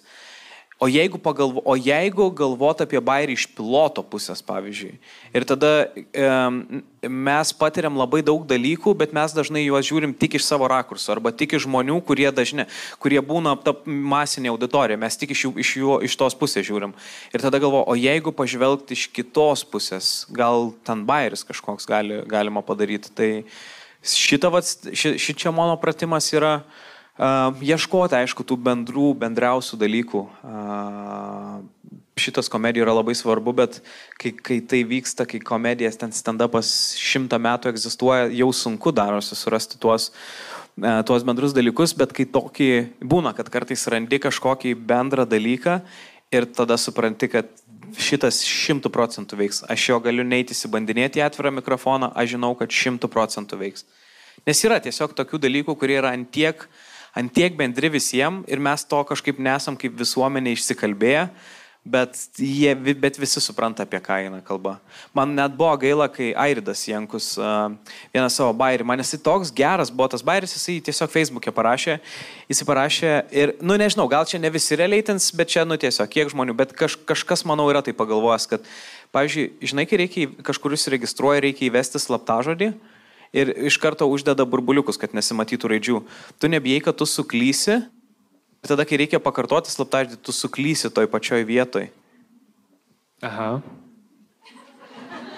Ir tada niekada nebeįeisi ten. Taip, taip, Matai, aš pavyzdžiui, aš, aš turiu šitą baimę. Ir kai Airidas parašė toks, o, oh, fuck, aš irgi taip šitą, bet aš niekada apie tai nepagalvojau. Tai... Aš esu irgi suklydęs, taip. Tavrasi, man taip yra realiai nutikę. Nu, bet čia, žinai, būna lietuvių kalba, būna įsijungęs ir ten slaptažodį Ž raidę kur nors. Taip, taip, taip, taip, taip. Du kartus ir tada paskui ne, niekaip negali vesti to, tai yra buvę. Uh, tai šeši, realiaitino. Šeši Ž danguje. čia buvo pavyzdys. Uh, Gerai, biškai gal aš dabar norėčiau nuo komedijos šiek tiek nueiti kaip po žanro ir truputėlį apie tavo dar kelionę paskelbėti. Mokykla, ne? Tu sakėjai, kad buvo čia pačioj pradžioj, kai pasakoji, kad kai supratai, kad iš juokų galima gyventi, nu tai čia aš noriu tą daryti visą savo gyvenimą. Tu tada ir supratai, kad būsi komikas? Ne, ne, ne, ne, negalvojau apie tai dar. Aš iš viso net nemaniau, kad jie ir, ir vėliau tai pasitvirtino, jie nelabai ne, ne, ne gerai gyveno iš juokų tuo metu, kai okay. ten nieks negyveno iš juokų. Prodiusas vienintelis iš jų juokų gyveno. Bet šiaip tai ne. Ir e, tuo metu ten apskritai niekas net nemokėdavo už tokius dalykus. Ten tai būdavo vienetiniai pasirodymai, kiek gaudavo iš teliko tiek. Tai ne, apie tai negalvojau. Aš tada dar turbūt tuo metu gal netgi galvojau, kad dainininkas bus. Mhm. E, jo, ir tik tai vėliau, kai jau įstojau, aš įstojau ten, kur norėjau, aš įstojau į VU verslo informacijos vadybą komunikacijos fakultete. Tai man ten patiko, bet aš iki šiol negaliu apibriežti, spec, ką aš pagal specialybę galėčiau dirbti. Žinok, aš, aš ten pats studijavau. Tai tu Vivas aš, irgi? Taip, aš iš Vivo esu ir, ir aš puikiai tave esu. O oh my god, aš tau būčiau atrašęs, sorry, kad aš tau. O oh my god. Okay. Ir, o palauk, kiek tau metų, o kiek tau metų yra? Man, nu, 40. um, O jau buvo, sorry, aš dabar nenoriu žaisti, bet jau buvo vivų specialybė tuo metu, kai tu studijavai, nes buvo, man, aš buvau ganėtinai jauna. Trečia karta. Jo, jo, jo, jo. jo. Eik, tu savo geras, wow, nežinau. Tai Tai, ar- tai su, tu supranti, ne? bibliotekininkas tu, ar, ar Jo. verslininkas, ar informatikas, kas. Jo, nu tai lygiai tas pats, aš norėjau ten įstoti, bet aš norėjau ten įstoti, nes mano viena pažįstama studijavo, sako, fainai, aš ten įstojau, aš žiauriai džiaugiuosi, aš nestočiau kitur, nes man labai patiko tai, kad aš turėjau daug laisvo laiko vyk, vykdyti savo dalykus. Viskas. Ir Man, man, Visiškai. Realiaitinu labai irgi. Nes aš dirbau ir man studijos buvo taip, o, dar reikia studijas kartais. taip, nueiti. taip, taip, taip, taip, taip, taip. Em, Tai va, bet e, kalbant apie komediją ir apie pragyvenimą iš komedijos, gerai, tai tu tada studijavai ir dar tavo buvo pasirinkimas, kur sakai, galbūt dainininkas būsi. Tai e, kiek realiai tu iš tikrųjų va, tą svarstį, nes irgi įdomus, čia yra tas momentas, kur tu kaip ir nu, renkėsi, žinai, kas tu būsi gyvenime. Aš norėjau visai būti dainininku, bet turbūt, kad tai buvo iki 12 klasės gal. Ir tada 12 klasėje aš jau pradėjau šiek tiek abejoti pats savim. Ir tada, kai abejoju, man atrodo, nieko gero nesigauna. Ir e, juo labiau, kad aš nestojau į muziką toliau. Mane kalbino, e, kaip tik, man atrodo, čia buvo 12 klasė, aš baiginėjau ją ir e, aš laimėjau dainų dainelį ir man išpuolė su Liudu Mikalausku dainuoti. Ir Mikalauskas kaip tik tais metais pasibaiginėjęs studijas ir jisai jau kitais metais rinko savo kursą kaip dėstytojas ir jisai kvietė mane, kad aš irgi ateičiau pas jį, pas jį studijuoti. O jisai irgi buvo įstojęs į VU į istoriją gal kokią ar kažkur aš tiksliai nepamenu. Ir jis sako, aš irgi buvau įstojęs, aš mečiau. Ir sako, tada nuėjau į dainavimą ten, kur man ir vieta. Ir sako, tu irgi paminėsi mano žodį, tu mesi studijas ir tu ateisi pas mane. Ir aš nemečiau studijų ir aš nenuėjau pas jį, bet uh, ir aš džiaugiuosi dabar, nes jeigu būčiau nuėjęs, aš turbūt, kad ir būčiau pasilikęs dainavime, jeigu aš esu toks žmogus, kur jeigu jau vieną kartą meščiau, tai antrą kartą nemeščiau net jeigu nepatinka, jau gėda prie žmonės. Jeigu, pavyzdžiui, dabar aš išsiskirčiau su žmona, tai su kita, su kuria susituokčiau, neįsiskirčiau jau, nors net jeigu ir pyktumėmės, bet man gėda prie žmonės, antrą kartą skiriasi, o jas net laikyčiau tiesiog. Geriau su žiežula gyvenčiau, negu, negu, negu spaudimo gaučiau. Tai va, tai, tai aš džiaugiuosi, sakau, kad nenuėjau, nes būčiau turbūt ir likęs dainavime tada. Bet dainuot patiko, aš tiesiog gal nemačiau, aš nemačiau gal ateities, nes aš uh, operinį dainavimą mokiausi ir uh, tuo metu, nu, Merūnas buvo Makskas, ką buvo galima pasiekti. Tai, tai buvo toliausiai, ko norėtų dvyliktokas. Ar, ar tu esi visiškai jau paleidęs šitą? Ta prasme, kad ar yra dar toks, kad nu gal kažkada dar, ar jau yra visiškai taip? Nu ne. Šiandien mes nusipirkom pianiną. Okay. Ir aš, aš visą, visą gyvenimą, aš muz, muzikalkiai aš laikiau, lankiau pianiną. Bet man, man iš pradžių man žiauriai sekėsi ir man patiko groti ir e, netgi pianino mokytė, fortepijono mokytė sakė, kad sako, iš tavęs gali būti čia visai gal geras pianistas ir man tikrai patikdavo groti. Bet tada e, atsibodo, nes ten reikia mokytis ir e, tada aš pradėjau dainuoti. Ir kadangi man gerai sekėsi dainuoti ir aš atstovaudavau Garliavos meno mokyklą e, konkursuose, blem, aš nežinau, ar čia galiu pasakoti, nu bet, ai, e, vienodai rodo jo. E, čia kur, per kontribijusų? Per kur rodo? Jis tiesiog, čia tikros kameros yra, kas čia darosi, čia ar čia simulacija? Bus, bus per YouTube. Okay. Tai, žodžiu, man gerai sekės, aš reprezentuodavau mokyklą ir man nelabai reikėdavo eiti į fortepijoną jau tada. Ir nežinau, kiek fortepijoną, šešis ar septynis metus reikia mokyti. Septynis, man atrodo, ne? Lygtai septynis. Tai septintais metais jau vapšė niekart nebuvau. Ir buvo egzaminas mano. Ir paskambino direktorė, nes direktorė egzaminuose būna irgi. Paskambino, sako, man tai žinok, mes tau devynis parašėm, nes tu nebuvai egzaminė. Tai sako, ar tu nori dešimt? Nes sako, nu tu kaip ir nebuvai, tai... Ne, ne, sakau, man viskas gerai. Sako, jeigu nori būti pianistu, tai gerai, mes dešimt galim rašyti. Bet ne, nesakau, aš gal dainininku būsiu. Bet aš jai melavau. Iš tikrųjų, kad parašytų devynetą. Aš jau žinojau tada, kad aš nebūsiu. Aš taip visų... Aš buvau melo voratinkliais apra, apraizgęs. Yeah. Jau, jau kur galvojai, palauk, aš jai sakiau. Jo, jo, jo, tai jo, jo, jo. Okay. Tai va, tai, tai man ir tuo metu aš nenorėdavau e, fortepijono. Ir dabar su metais aš pajaučiau, kad aš vėl visai norėčiau pagroti. Aš labai norėčiau komedijos vardan išnaudoti. Ir aš turiu vieną projektą, kurį žiauriai noriu padaryti, muzikinį projektą. Ir aš tikiuosi, kad galbūt va, šį sezoną gal man ir pavyks jį padaryti. Aš labai labai užsidegęs pirmą kartą, kai sugalvojau, Aš sėdėjau vienas namuose, sugalvojau šitą projektą ir iškart nuėjau į kitą gatvės pusę į barą ir alaus užsisakiau ir išgėriau alaus. Ir man toks geras jausmas. Kaip gerai sugalvojau, ne? Jo, jo. Ir aš su kažkokiais bičiais susipažinau ir sako, aš vienas sėdžiu tiesiog alų geriau, aš įsivaizduoju, kaip keistai aš atrodau, ten kokia 11 gal aš atėjau, užsisakiau vieną alaus ir ir prie kažkokie studentčiokai sako, o šventi, ką, e, ką šventi. Toks labai keista paaiškinti, bet aš sugalvojau YouTube video. ir sakau, jeigu aš jiem pasakiau, kad jeigu rugsėjo mėnesį aš nebūsiu padaręs to projekto, tai kvieskit policiją. Kažkas negerai tada yra ir aš nebūsiu padaręs rugsėjo mėnesį. Bet, bet e, turbūt, kad šį sezoną aš bandysiu padaryti. Tai va, tai žodžiu, aš tiesiog užsimaniau labai groti vėl ir išnaudoti tai gal kaip komedijai, komedijai ir kažkas tokio. Ir galvoju, ar tik nebus taip, kad ir, nu, tipo dainavimas kažkokia forma sugrįž vienaip ar kitaip. Bet aš labai norėčiau dar išmokti e, su, dirbti su e, kompu ir muziką apdoroti e, su programom, ten autotūnais, visokiais keitimais ir taip toliau, aš tai galėčiau labai išnaudoti, bet aš nemoku. Tai kada nors. Galėsiu suvesti su tinkamai žmonėm, nes daug mano aplinkoje yra, kurie ten su tais autotūnais dirba. Beje, aš muzikalkį irgi baigiau, tai žiūrime, labai daug bendro pasirodo turime. Wow, geras. Muzikalkė. Nu, tik tai fortepijonas buvo mano antras instrumentas. O koks pirmas buvo? Akordeonas. Ok. Sorry. Aš atsiprašau. Aš, aš pats visą taip pat jaučiuosi, tai viskas gerai. Bet aš pasirinkau iš tikrųjų, čia buvo tas pats, žinai, laiko klausimas, nes aš akordeoną pasirinkau dėl to, kad labai norėjau su fortepijonu groti, bet per vėlai sugalvojau, o kadangi aštuoni metai, bent jau tuo metu, kai aš mokiausi, būdavo fortepijonas, yeah. tai sako, pavėlavai. Man akordeonistai atrodo tiesiog mėgstantis išgerti pianistai. Sorry, su visa pagarba, bet... Uh, o aš dar, kai buvau dar mažesnis, aš kanklę mokiausi groti ir netgi mokėjau, bet tom devinstygiam, tai ne, nu ten paprasta, kad ne. Okay. Jo ir tada, ir tada dar e, gitara dar irgi, va gitara buvo mano, mano dalykas, iki šiol dar kartais pabrazdinu, bet man žiauriai patikdavo su gitara. Ir aš vieną dieną tėvam tiesiog grįžau ir pasakau, aš noriu gitaros. Ir sako, man tai čia dar vienas iš tavo norų, kur tipo, pa, nu, numesi į kampą ir pamirši, kaip su šuniu. o, o, o taip nebuvo. Aš juos įtikinau, kad man reikia gitaros, jie nupirko ir aš tada belė kaip, aš labai intensyviai mokiausi groti gitarą, aš visai neblogai, nu, tiek, kiek reikėjo, man aš išmokau ir irgi per konkursus važinėjau, tai labai smagu šiai būdavo.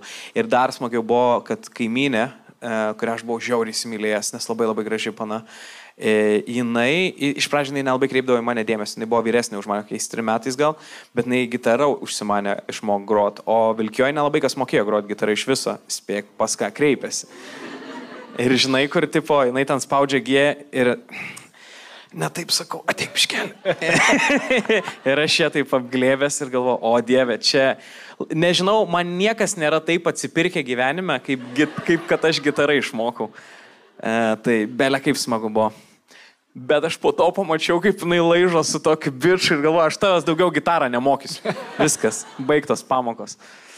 Tai va. Jo, faina šiaip e, matyti ir, e, ir aš ir savo gyvenime tą pastebiu ir, e, ir, ir neseniai, su viena mergina, kaip tik kalbėjom apie vieną klausimą, nes jinai pasirinko tiesiog studijuoti dalyką, kuris, kaip čia pasakyti, kur, kur jinai jautė nuo pat pradžių, kad nelabai tas patinka jai dalykas, bet žinai, nu, tipo, kad jau pradėjau studijuoti, tai reikia pabaigti, prastudijavo du metus ir dabar, nu, tokia klausė, ką daryti, nu, va, aš čia du metus kaip ir švaiščiusi jaučiuosi. Ir, nu, nežinau, mano toks pasidalimas tiesiog, kad nieko mes iš tikrųjų gyvenime savo neišvaistom. Jo. Kažkaip anksčiau ar vėliau visą tai vis tiek apsijungia visi šitie dalykai. Tai vad man faina ir tavo istorijai tą patį girdėti, kur tu vis tiek, nu, kažkaip yra jausmas, kad integruosi dar visą. Absoliučiai. Man iš viso, man tie, kurie sako ten, kad, e, pavyzdžiui, atėjo per pažintis į darbą ar kažkas ir kažkas sako, kad čia yra blogai, why the fuck čia turėtų būti blogai. Jeigu aš užsirekomendavau, būdamas universitete, kad aš esu geras bičias, kad aš kompetitingas, kad aš profas savo dalykų ir kad aš iš, išmanau dalykus, tai man atrodo, kad taip ir turėtų būti, kad aš per pažintis atėjau į darbą kažkokį. Mm, aš tiesą sakant, kas turbūt geriausias dalykas ir buvo universitete, kad aš praleidau, aš be, su belė kiek įvairiausių sričių žmonių susipažinau, užmėsgėm labai gerus santykius ir labai daug draugų turiu iš universiteto laikų būtent, kurie uh, nu, labai smagu dabar jau susitikti, e, kai kažkur renginį vedi, kažką pamatai, ką pažįsti, kažkur atvarai, kažkas ten draugas tau, yeah. žinai, ten ateik, aš tave pravesiu čia ir tokiu jau gali naudotis tais privalumais e, senų žmonių, kurie pažintis yra užmesgi iš kažkada seniai. Tai man atrodo geras, geras dalykas, tai aš irgi ne, netraktuoju visiškai kaip švaistimo laiko to, dalyko, to, to laikotarpio man viskas belė kaip buvo. Plus man, aš belė kiek daug gero laiko praleidau tiesiog studentaudamas, bendrikė, būdamas su, su draugais, mes ten geriausią pasaulio laiką turėjom. Aš čia gal šitoj žemėje ir neilgam, aš čia geram laikui. Geras. Uh, Fainiai. Dabar, e, kai tu jau supratai, grįžtant prie tavo istorijos, kad iš e, nu, komedijos galbūt dar neužsidirbsi labai greitų metų, koks tavo buvo planas? Ką tu darysi? Dainavimas, ne, komedija faina, bet iš to neuždirbsi, studijuoji Vyvę, kur neaišku, kas būsi pabaigęs visą tą ir e, ką tu tada nusprendai daryti, kas, kas vyko toliau, iš ko tu užsidirbdavai duonai? Um, aš toks pasimetęs, šiaip buvau labai gyvenime, aš pradėjau renginių organizavimą dirbti Ir man ganėtinai anksti nusišypsojo sėkmė išeiti į viešumą ir pradėti su tokiais mažais darbeliais labai. Tai buvo e, tuo metu dar šaunioji vieteliai, kur po to buvo Seven Fridays, o dabar jau yra vienuolynas, kur ten išvijo e, Seven Fridays. Tai aš ten vesdavau tokius kaip kitokie pasikalbėjimai before it was cool. Mes ten pradėjom, ten buvo pradėjęs dar, dar anksčiau vienas bičias, vėliau jis išėjo ir tada aš jį pakeičiau. Tai man buvo tokia visai gera terpė pasitreniruoti prie žmonės, kalbint, kalbint kažkokius draugus, pažįstamus, ten įžymybės kažkokias to, to laiko ir panašiai. Ir tuo pačiu metu Lizeran dar buvo toksai restoranėlis vienu metu atsidaręs šitoj Vilniaus gatvėje. Aš ten irgi vesdavau lygiai to, tokiu pačiu principu su visokiais menininkais menininkais ir taip toliau. Tai ten būdavo mano pirmieji tie honorarai už, už atliktą darbą, tai ten, nežinau, ten Lizaranė prisimenu, kad gaudavo po 5 eurų, gal kažkas tokio už renginį, už tai, kad tu ten pasiruoši jam kelias dienas, ruošies ir tada jį pravedė ten kokius 5 eurų, tai buvo geri pinigai.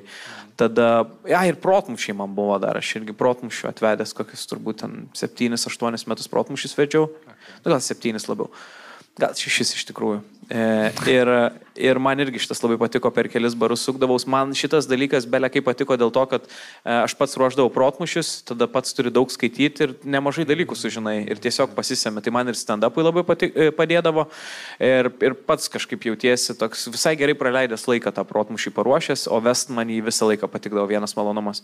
Tai va, tai čia toks halturkės ten visokios plakatus kažkada reikėjo kažkokius išdalinti univero laikais, kaišiot, įeiti į, į laiptinės ir yra ten toks po stiklu, plakatai būdavo, tai mes e, net neprisimenu, kieno tos plakatus turėdavom dėti.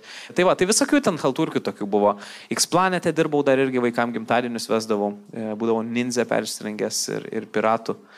Bet tiesiog aš e, vieną aš po savo gimtadienio vieną kartą gimtadienį vest vaikam turėjau. Ir aš ateinu ir Neprisimenu, bet ten, nu, žinai, tuo metu X planete, nu, ganėtinai turtingų tėvų vaikai ten būdavo ir jie būdavo išlepę tokie ir kai kurie dundukai labai būdavo.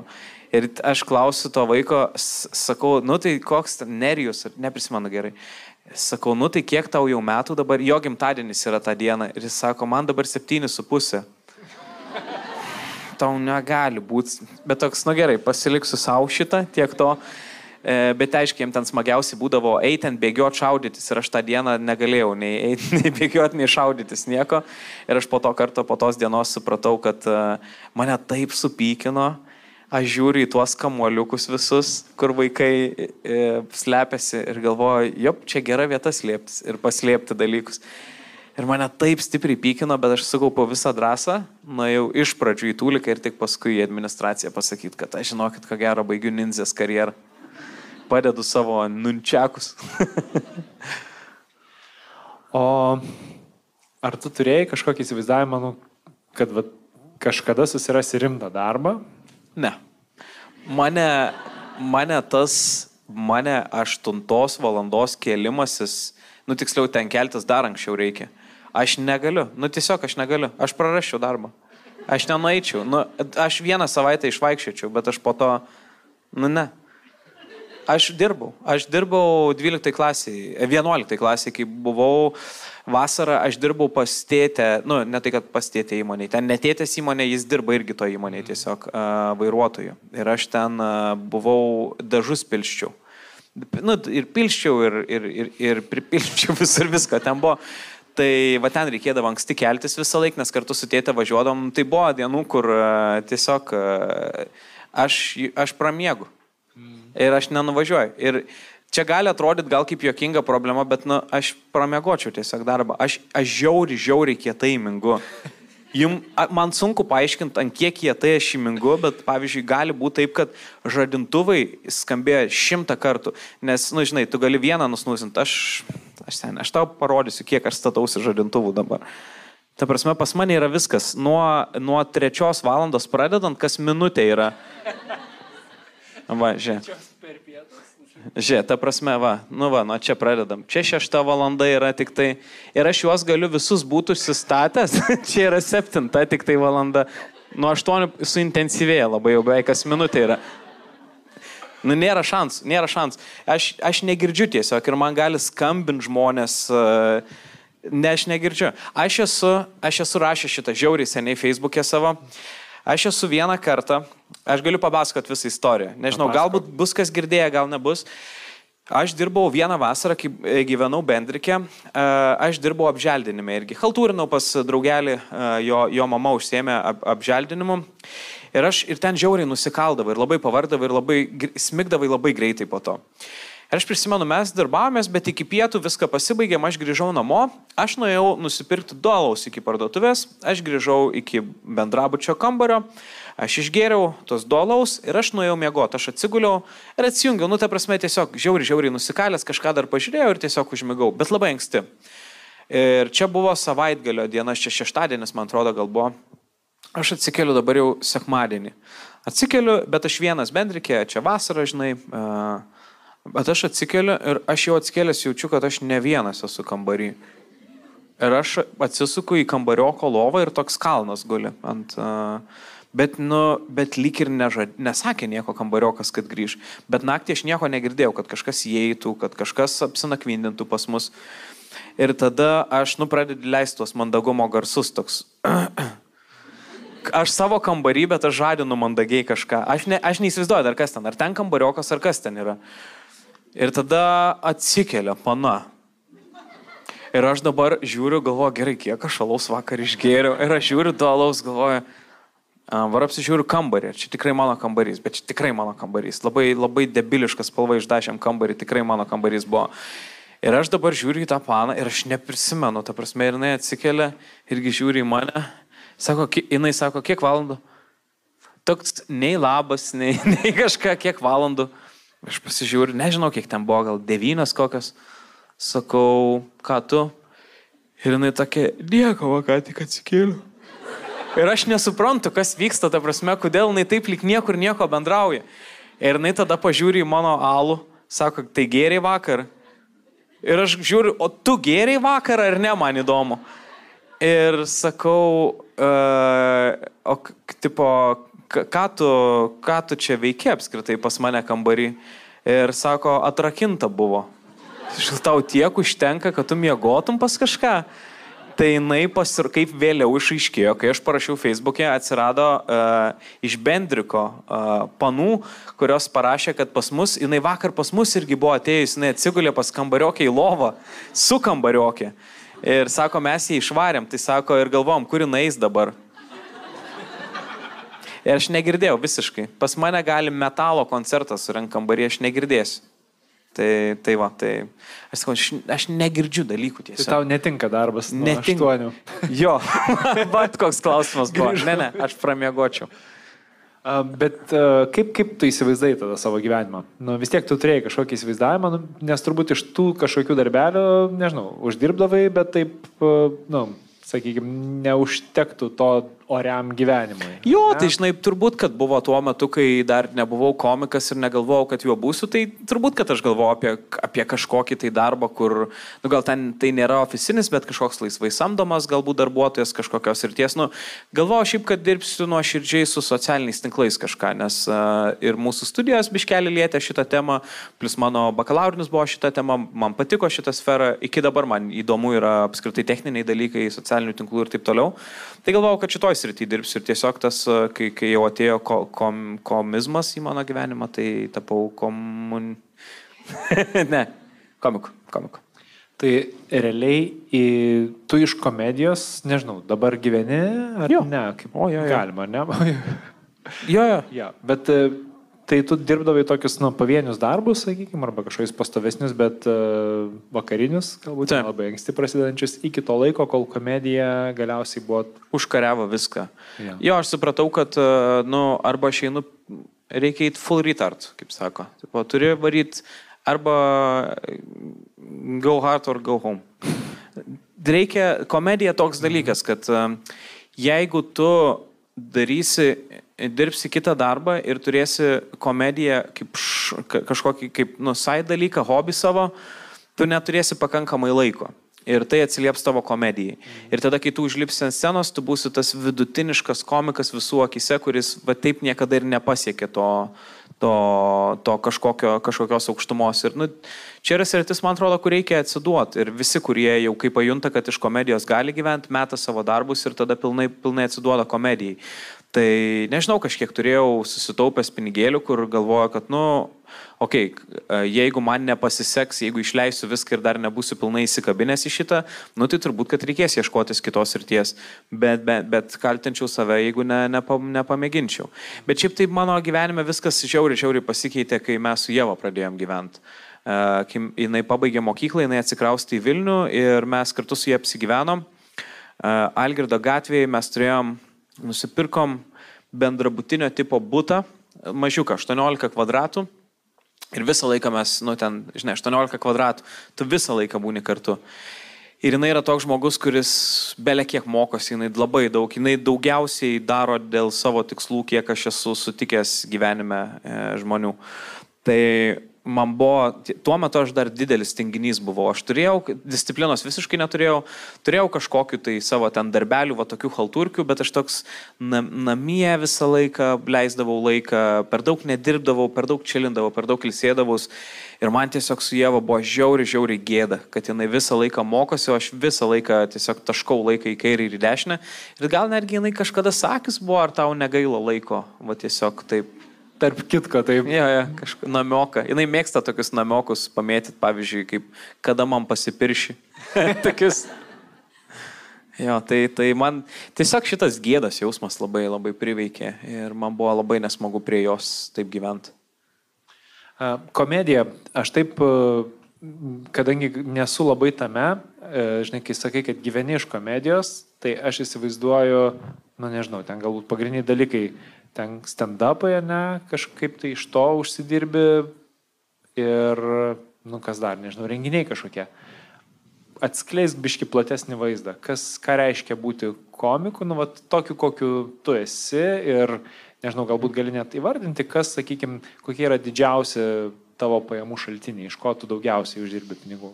Mm, tai yra, uh, jeigu taip kalbant apie tokį reguliaresnį dalyką, tai uh, renginiai yra di didelė pajamų dalis, tas nereguliariausias yra arenos. Tai yra daug pinigų vienu metu, bet tai būna labai retai. Ir plus, nu, ten e, Čia yra, žinai, toks darbas, kur e, kaip projekto pabaigoje tu tik tai gauni pinigus. Tu dirbi iki tol ten juodai ar tris mėnesius kokius ir tik tai vėliau ateina. Tai tu tris mėnesius dirbi tiesiog dienom naktim nematydamas, e, nematydamas nieko, nei jokių pinigų, nei ko. Uh, Tai va, bet tai būna retai. Tada humoro klubas yra, tai yra irgi reguliarios pajamos, irgi sakyčiau, nu, turbūt ant, vat, antro, antroji vietoje gal tai mano. Tada tai yra YouTube'as, e, man, mano vienas mėgstamiausių dalykų tiesiog filmuoti sketšus, e, bet tai yra sudėtingiausias ir pats nepelningiausias iš visų šitų darbų renginys, tai žinai, nu jam pasiruoši, per vieną dieną viskas baigėsi išrašai sąskaitą ir tau perveda pinigus. Su YouTube taip nesidaro. Su YouTube, tarsi aš dabar straglinu tris mėnesius, niekaip nesugalvoju idėjas vienam, vienai įmoniai filmukui ir nenoriu daryti vidutiniškai, nenoriu vieną koją padaryti, noriu gerai jiem noriu padaryti, noriu gerą video padaryti, bet tiesiog nu nešauna idėja. Jau vieną scenarių nusinčiau, jie patvirtino ir aš tada nepatvirtinau pat savo scenarius, nepatiko man galiausiai ir dabar perrašinėjau. Tai, nu tai va, tai truk gali belė kaip daug. Ir, nu, tu ten galiausiai, žinai, ten, net, net, net neslėpsiu, kad ten, tarkim, būna video koksai, paprastas mano video kainuoja ten kokius, tarkim, 3000 eurų. Bet į tai įeina operatorius, kuriam aš turiu sumokėti, į tai įeina dar mokesčiai, kuriuos aš turiu sumokėti, į tai įeina dar aktoriai, kuriuos irgi samdaisi, dar rekvizitai, dar kuras dažnai būna, jeigu kažkur filmuojam ir daugiau locationų yra. Ir tu pasiskaičiuoji, kad tu ten dirbi prie to mėnesį laiko. Na, aišku, yra dar ir daugiau video prie, vienu metu, prie kurių dirbi, bet, nu, tiesiog, nu, ten atsiperkamumas tai yra mizeris, šiek tiek sakyčiau. Buvo tokių video, po kurių savo skolingas likau, viskai visiems išsimokėjau ir viską susiskaičiavau.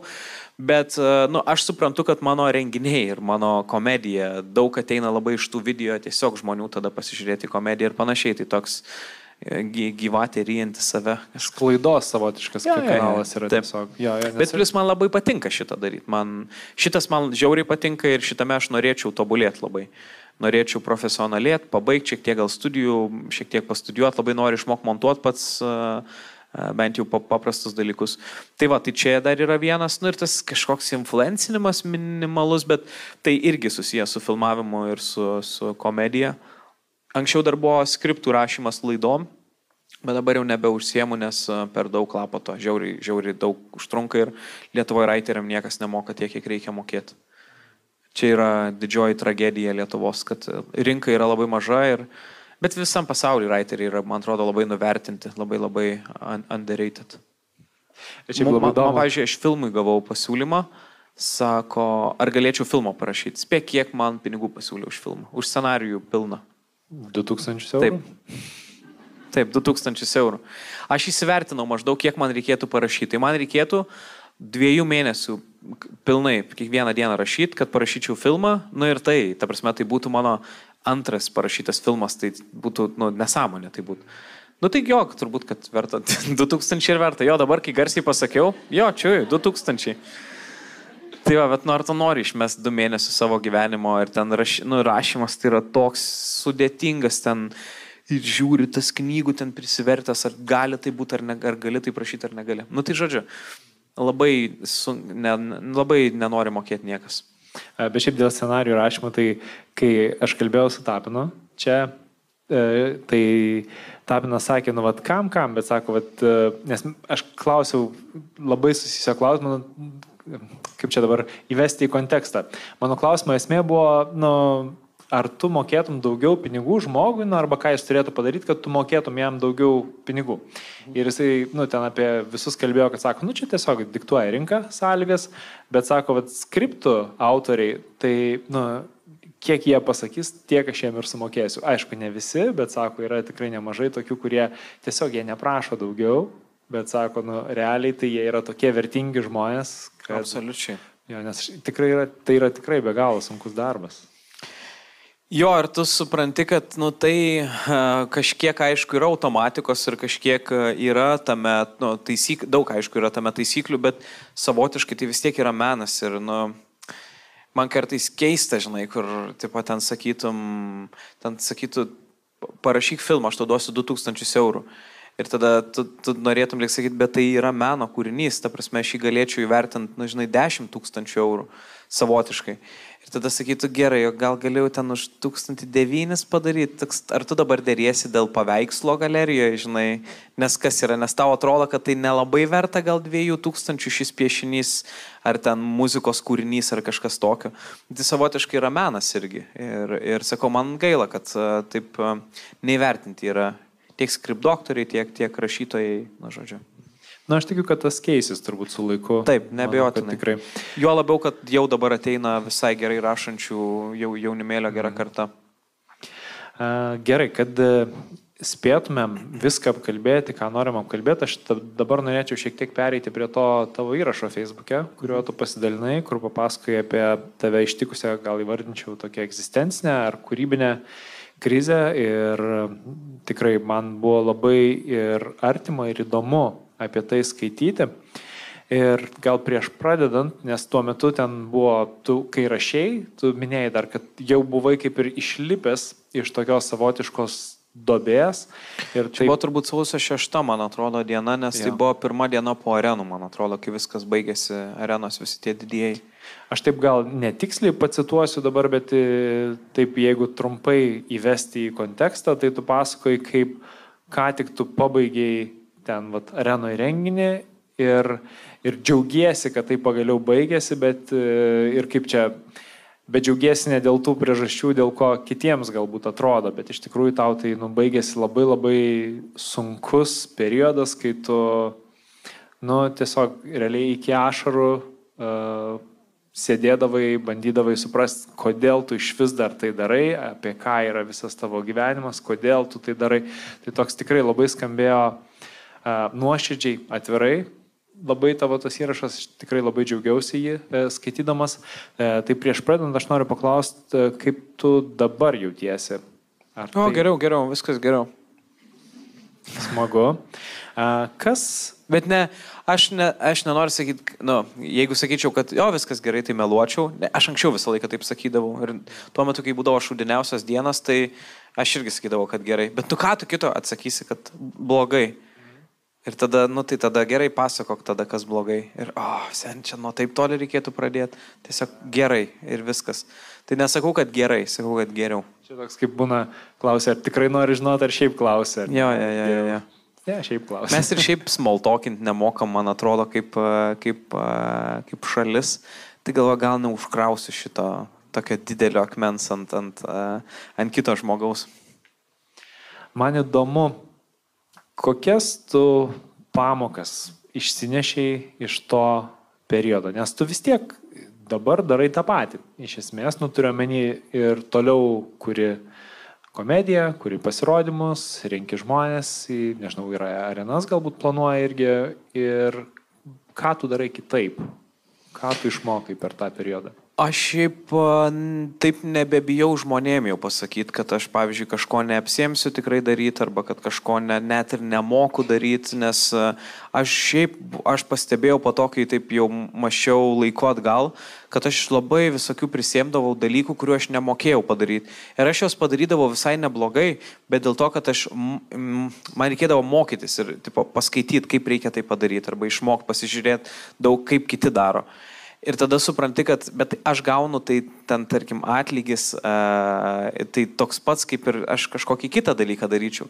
Tik laiko prasme aš trunku dešimtgubai ilgiau būdavo. Ir aš visokius tokius darbus nesamoningus prisimdavau, kurie man, nu, ne, nereikėjo, būt, man tikrai ne, nebūtų reikėjo jų imti. Tai va šitą nebijau dabar jau pasakyti tikrai, kad ne, negaliu, nemoku ir, ir netgi rekomenduoju, kas, kas tai padarytų tikrai geriau už mane. Mm, Kartais dabar nebijau pastovėti gal už save biški, nes toksai būdavau lab, mm, toksai gerėtis ir man tada sukraudavo darbus visi dėl to.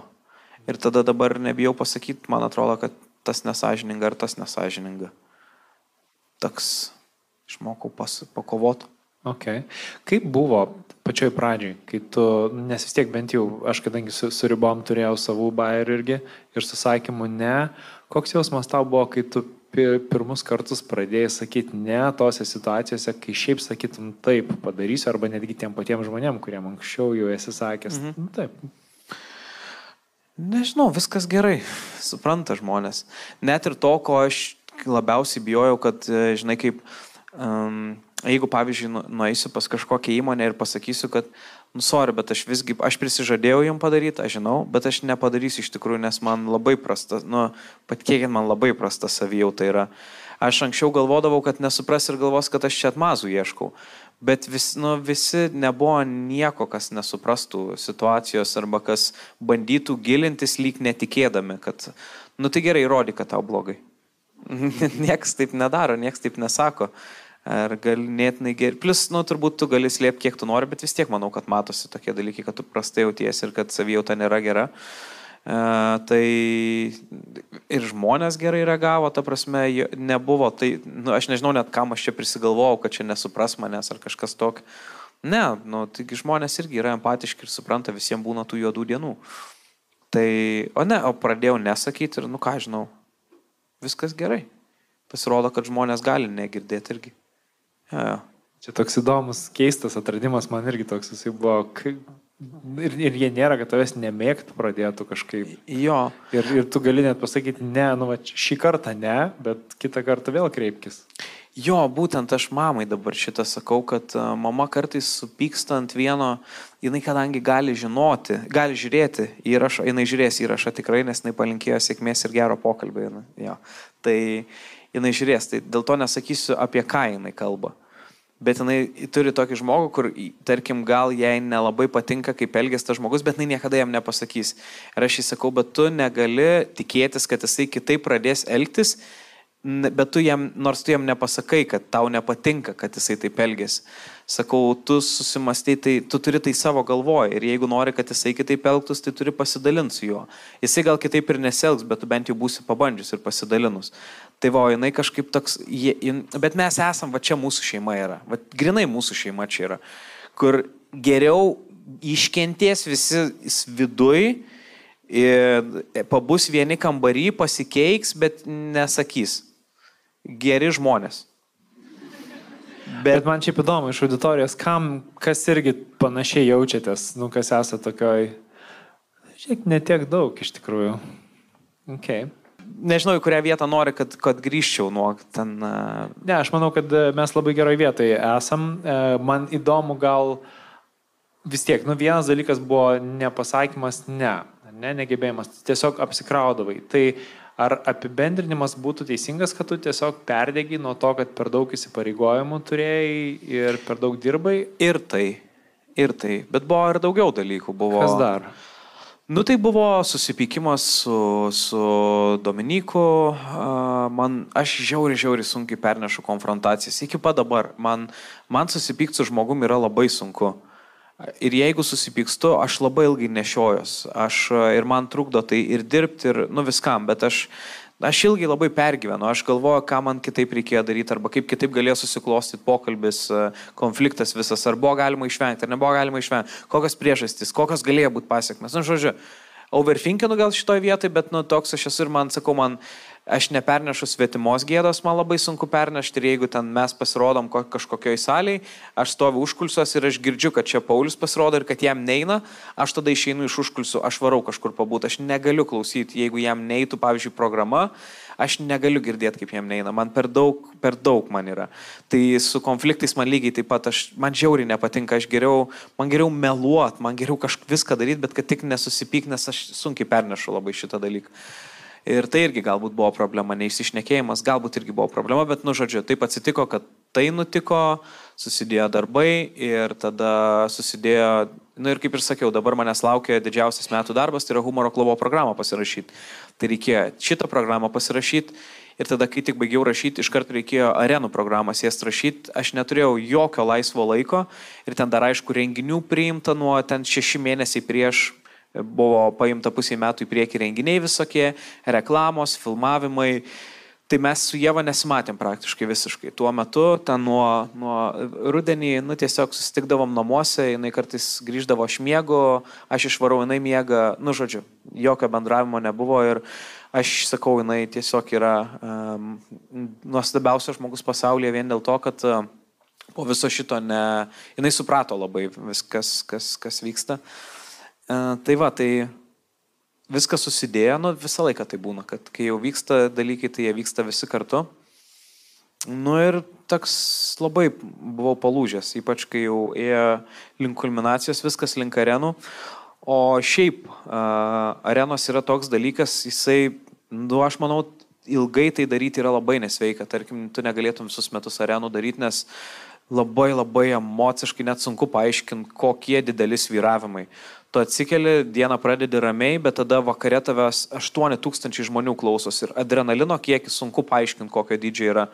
tu galėtum gerti alkoholį ir neprisigerti, nes adrenalinas ištaško viską tiesiog iš šonus. Ta prasme, nu, toks, did, tokie dideli emociniai sviravimai yra, kad aš žinau, tarkim, kiti, kiti kurie daro, tarkim, penkias arenas Lietuvoje, varo pasilsėti mėnesį laiką, laiko nieko nedaro, jokių konsų neįma, nes nu, reikia labai atsigauti po, po, po šitų dalykų, nes tai net manau, kad tai tikrai nėra sveika tokie dalykai, ypač kai tai yra ten trys dienos iš eilės turi, turi arenas, pavyzdžiui.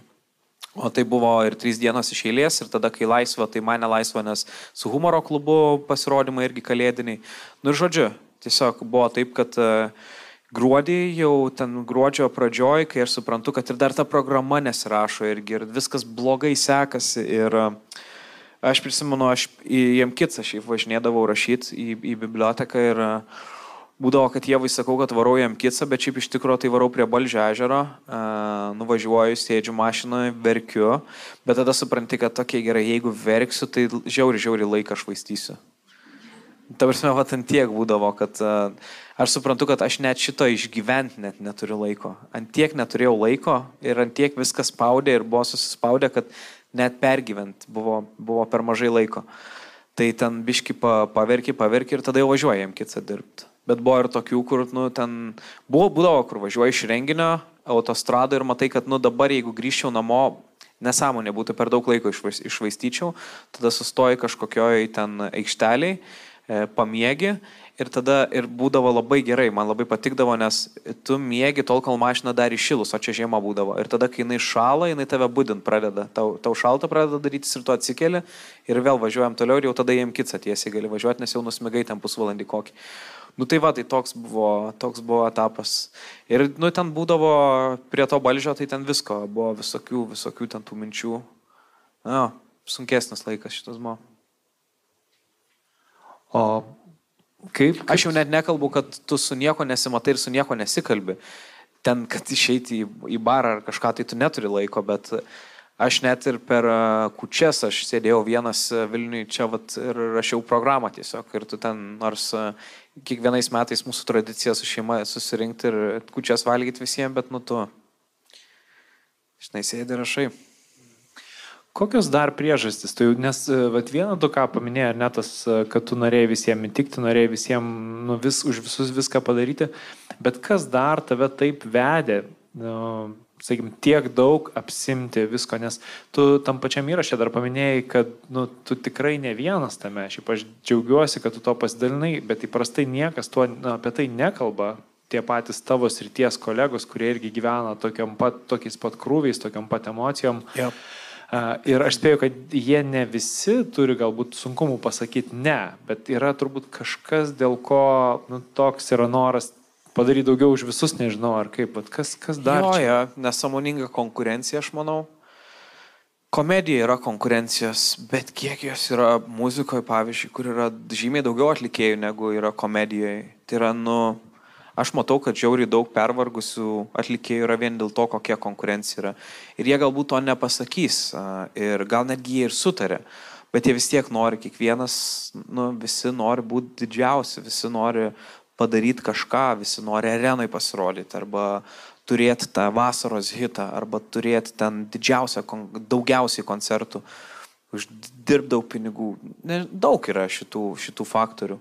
Mano atveju Mano atveju daug kur tai tiesiog ne, nemokėjau pasakyti. Nei, nei man ten reikėjo tų pinigų tiek, kiek aš užsidirbau, nei man reikėjo, man nėra joks čekas arenoje, aš jau joje esu pasirodęs, aš tai nedarau dėl to, kad ten tiesiog užsičekint. Šiaip tiesą sakant, man net areniniai pasirodymai nėra kažkas jau tokio įspūdingo, ta, nėra siekiamybinė prasme kažkas, kažkas tokio jau įspūdingo. Plus tai net nėra mano arenos, aš ten esu trečias mantas. Uh, Tai, bet, nu, vis tiek, ir juo labiau, ta prasme, kai yra du mantai, kurie, ir aš žinau, kaip būdavo visais kiekvieną kartą. Ir va šitos pas pastarosios arenos žmonės mane žinojo. Bet anksčiau būdavo, kai aš pasirodau su mantais, tai niekas manęs nežino ir per mane myšti išeina tiesiog. E, ir aš žinau, kad aš tam ir esu iš esmės, sugert myžalus, myžalų pertrauką aš esu. Tai ir, ir, nu, ir aš nenorėjau, kad tai būtų, aš norėjau, kad geriau jūs myškit čia, bet klausykit manęs, aš noriu taip, taip juokingai varyti, kad jūs apsimyštumėt ir tikiuosi, kad iš juoko. Bet, uh, nu, tas turi kainą. Ta prasme, žinai, yra kaip NBA žaidėjai dėliotis per, per 2K, kur tu gali pasiemti ten daug pataikymo, bet tada jis bus lėtesnis, žinai, tu gali pasiemti gerą driblingą, bet tada kažkur. Tai lygiai taip pat jiem, aš nesakau, kad jiem nereikia daug dirbti Katleriui ir Stonkui, bet jie turi, jos, jos visi žino. Ir jiem jau nereikia įvedinėti savo stand-upę kažkokiam bairį į istoriją. Visi žino tą istoriją. Žinai, kad tipo, su Indrei įsiskyrė, jam Stonkui nereikia pasakoti apie tai ir atskirai įvedinėti. Nu, visi žino, čia jis tokio dydžio, jis eilisteris yra. Manęs niekas nežino. Aš galiu sakyti, o žinot, kaip mes su Jėva ir tada 8 procentų arenos, kas tai Jėva yra, kodėl mes turėtume žinot, kas yra Jėva. Tai man, aš turiu, va tiek vadžinų turiu ir tada supranti, kad man reikia žymiai daugiau dirbti, kad pasiekčiau tą patį rezultatą. Nu, neskau, kad žymiai daugiau, jie dirba irgi tikrai labai daug, žinau, kiek daug jie dirba, tai nu, tiesiog reikėjo varyti. Ir mano galbūt, ar, nu, ne tai, kad mano siekiamybė galbūt ir buvo, kad aš pagaliau noriu, kad aš mane vertintų kaip lygiai verti man, tai irgi, kad aš irgi galiu jokingai varyti. Aš ne tik pertraukai skirtas esu. Tai, nu tai va, tai vedė į priekį labai. Plus, žinai, nesakiau, nu, nesinori ryštis prie to konflikto, bet nu, man buvo rimti kaltinimai pateikti. Ir aš žinojau, kaip į mane žiūri tie, kurie, tarkim, ateina ir į tą pačią areną, ir į humoro klubo pasirodymus. Aš žinau, kad žmonės ateis ir žiūrės į mane, kai kurie žmonės žiūrės į mane kaip čia tas, kuris pyzdina bairis, arba čia tas, kuris, žinai, kažką pavogė, kas ne jam priklauso.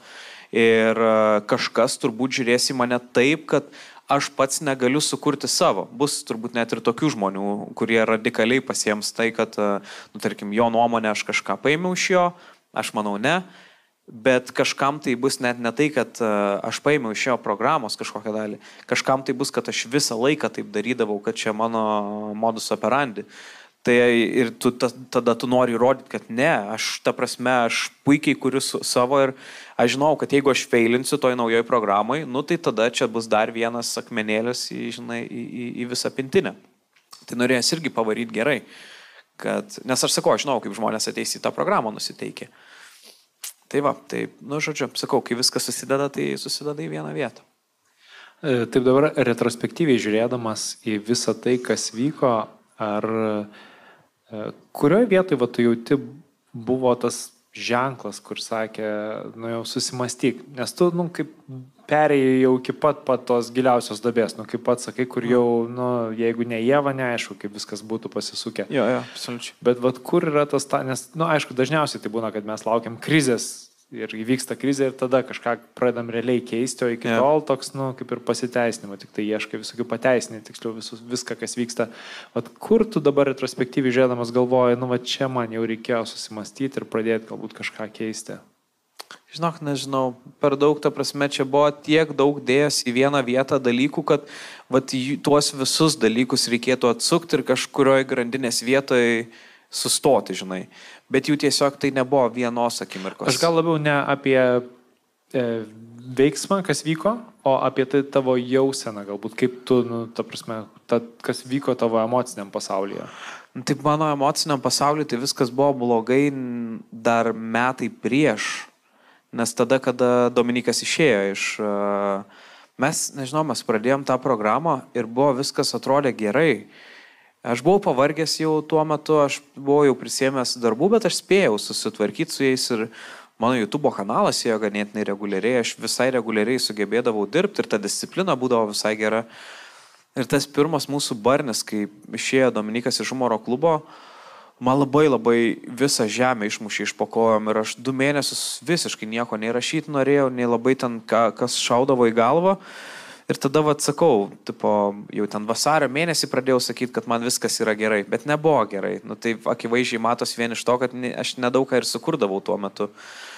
Tai nebuvo gerai. Tiesiog jau va, kai vasara atėjo, galvoju, nu gerai, viskas atrodo, kad žaizdos visos sugijo ir viskas gali būti gerai, gali būti geriau bent jau. Ir tada ten, žinai, praėjo nedaug laiko ir tada viešai išėjo visas šitas, ko, kam, ka, kas buvo labai didelė staigmena Ir dėl to gal uh, irgi taip, uh, jeigu e, dabar jau, kai atsuki laiką atgal ir matai, kad tai galėjo būti nestaigmena, bet tuo metu tai buvo staigmena. Ir ta, tas toks savo melavau iš kart, kad, nu gerai, šį kartą aš tikrai mokėsiu tai priimti ir susi, susitvarkysiu su šita krize. Bet taip sako visi žmonės, kurie kaučin, kaučina ir moko, kaip su krizėm susi, susitvarkyti. Ir kai susit... Neprisimenu, kuris čia krizių mokytojas, kai susidūrė pats su krize, išėjo iš darbo. Nes nesuvaldė krizės tiesiog. Tai lygiai tas pats buvo. Galvojau, kad suvaldysiu lygiai tas pats du mėnesius į juodumą tiesiog tokia, kur su nieko nenori. Ir tada, žinai, mes tada išsikalbėjom, mes keturiesi. Ir mes keturiesi, tai žinojo mūsų šeimo, žinai, žinojo, kad ten susipykom, bet uh, dabar tai išėjo ant visos Lietuvos, ant visos vietos ir visiems, kam yra įdomi komedija, visi žinojo. Nu ir tada galvoja, kad aš sudylinsiu, nors aną kartą net su, ta prasme, kai tik šeima žinojo, tu nesugebėjai sudylinti. O dabar visa Lietuva žino ir tu galvoji sudylinsi, kaip ten komentarai eidavo, ten žinučių kiek gaudavo visokių, ten nuo, nuo, nuo čiulpimo iki, iki vis, visko apskritai. Tai va, nu tai sunku buvo. Ne, aš nebuvau pratęs prie tiek heito.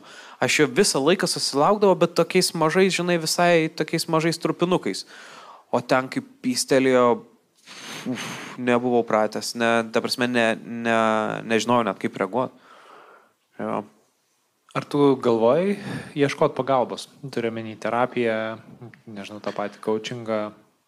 Jo, aš šį, šį ir nuo rudens pradėsiu vaikščioti. Nes aš visai noriu, aš tiesiog yra daug kūrybinių dalykų, kuriuos noriu išspręsti. Ir aš žinau, aš jauriai nenoriu, pavyzdžiui, eiti pas freudininkus, kurie ten ieškos problemų mano vaikystėje. Ir ten, aš žinau, ne ten problemos, ten mano afigena mano vaikystė buvo. Jis tiesiog turėtų problemų po to psichologas, nes išklausytų, kokia afigena mano vaikystė buvo. Bet e, aš žinau, kad problemos kitur yra, jos vėliau atsirado ir, ir man sakau, man su ta kūryba nu yra jų ir aš noriu išsispręsti šitos, šitos dalykus. Tai jo, varysiu pas. Bet įdomu, ar tuo metu va, turėjai kažkokių stereotipų, kurie trukdė, nu, kai buvo sunkiausias periodas, nu, galvot, kad gal reikėtų ieškoti pagalbos ne tik pas jį. Aš laiko neturėjau. Aš neturėjau laiko tiesiog. Mm. Tai būtų dar viena valanda savaitė, kurios aš neturiu. Tai, nu, no chance. Plus buvo eilės, tai žinai. Ta prasme, tu, man buvo blogai, bet aš negausiu jokio specialisto šiuo metu. Visi yra užimti ir, ir geri specialistai pas juos vis tiek man reikia, la, reikėtų laukti, žinai, kelis mėnesius eiliai. Tai geriau tada nelauksiu iš viso. Geriau varysiu, žinai, savo eigą ir pats susitvarkysiu, kas yra nesąmonė. Jo, Bet tuo metu tai buvo variantas. Ir taip atrodo, kad sprendimas visada nujaučia pat, jau va to į to išsispręs. Jo, jo, jo, jo, jo. Mm, geras. Jo, tas neieškojimas pagalbos, toks man labai faina tokia metafora, nu, iš savigdos atėjus yra, kur sako, važiuoji su mašina, bakas jau beveik tuščias, bet neturi laiko, nu, užsipilt benzino, dėl to važiuoji toliau. Mhm. Tai labai panaši metafora, kur tu supranti, kad nu, kaip ir reiktų, bet nėra laiko. Nors dėl to visa kita. Taip, taip, absoliučiai, absoliučiai, jo. Ja, buvo galima ir geriau sudylinti su šitą situaciją, bet vėlgi, žinai, Ne, man, man e, dėl ko aš klausiu apie tai, žinai, ne, ne, ne kad ant tavęs asmeniškai, žinai, pasakyti, bet aš tiesiog žinau, kad tų stereotipų yra įvairiausių, toj pačioj, nu, tikrai pas mus visuomeniai, kurie, kur sako, nu, čia jau, žinai, jeigu jau eini į terapiją, tai tau jau biški, žinai. Bet, žinai, aš galvoju, bet ar tikrai dabar taip sako žmonės? Gal ir nebe. Nes aš, ne, aš tai nemanau, bent jau jaunimas, aš nemanau, kad taip reaguoja.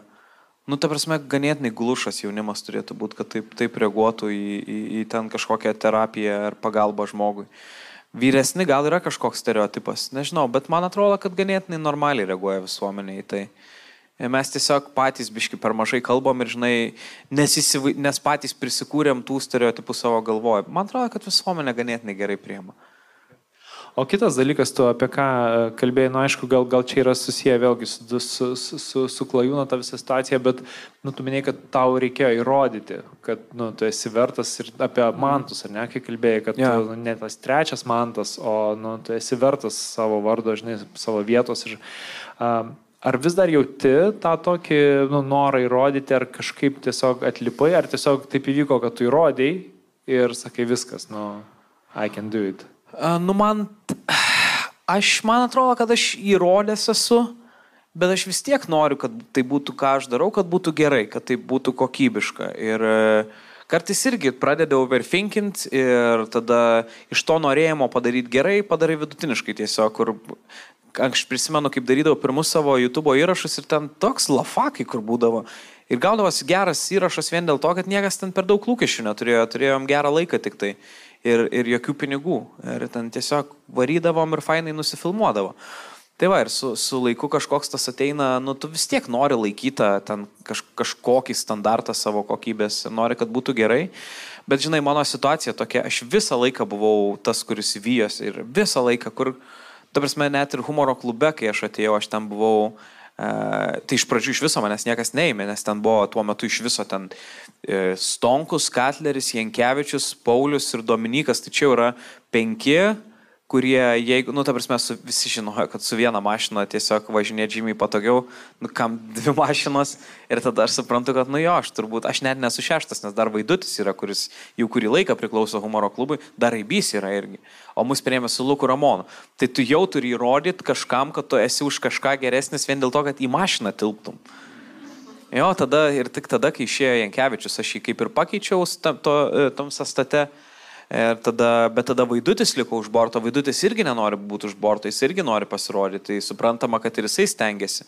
Ir tu tada, nu, matai, kad e, ant scenos vietos yra, mašinai vietos nėra. Tai jo, ir tada tai tu ten stengiasi. Tada, tada išeina mantai ir tada visi ten aplinkui, žinai, žmonės kalba, kad tu, tu ten gal humoro klubo geriausias komikas, kiti sako, kad klajumas geriausias komikas. Ir tada tu toks, nu gerai, aš noriu būti geriausias, aš nenoriu būti to besivėjančio vaidmenį ir tu tada nori būti kuo geresnis. Tuo pačiu metu uh, mes pasirodom ir su mantais. Aš ten tikrai trečias mantas, ten jokių kalbų apie tai, kad gal čia jisai geresnis už stonku. Ne, ne, aš aš blaiviai vertinu situaciją ir matau, kad jo kita, kito lygio deliveris, jisai nu, visiškai kitoks komikas, ypač tuo metu, kai aš tik pakliuvau į tas arenas. Ir tu ten nori vytis, ir tu ten nenori būti paskutinis irgi. Ir tiesiog aš pastebėjau, kad aš kokius, nežinau, blemba, ten šešis metus aš tik vyjausi ir norėjau įrodyti savo kad aš galiu ir tiesiog e, norėjau atrasti savo vietą. Tai, va, tie, nu, tarsi, daug metų trunka ir daug pastangų tai kainuoja. Ir kai galiausiai įrodai, nu, gal įrodžiau, bet aš neįrodžiau, kad aš geresnis už kažką. Galiausiai ateina suvokimas, kad ir nereikia net būti geresnis už kažką, reikia savo daryti ir savo turėti. Aš manau, kad Katlerio mums vieno Katlerio yra per daug.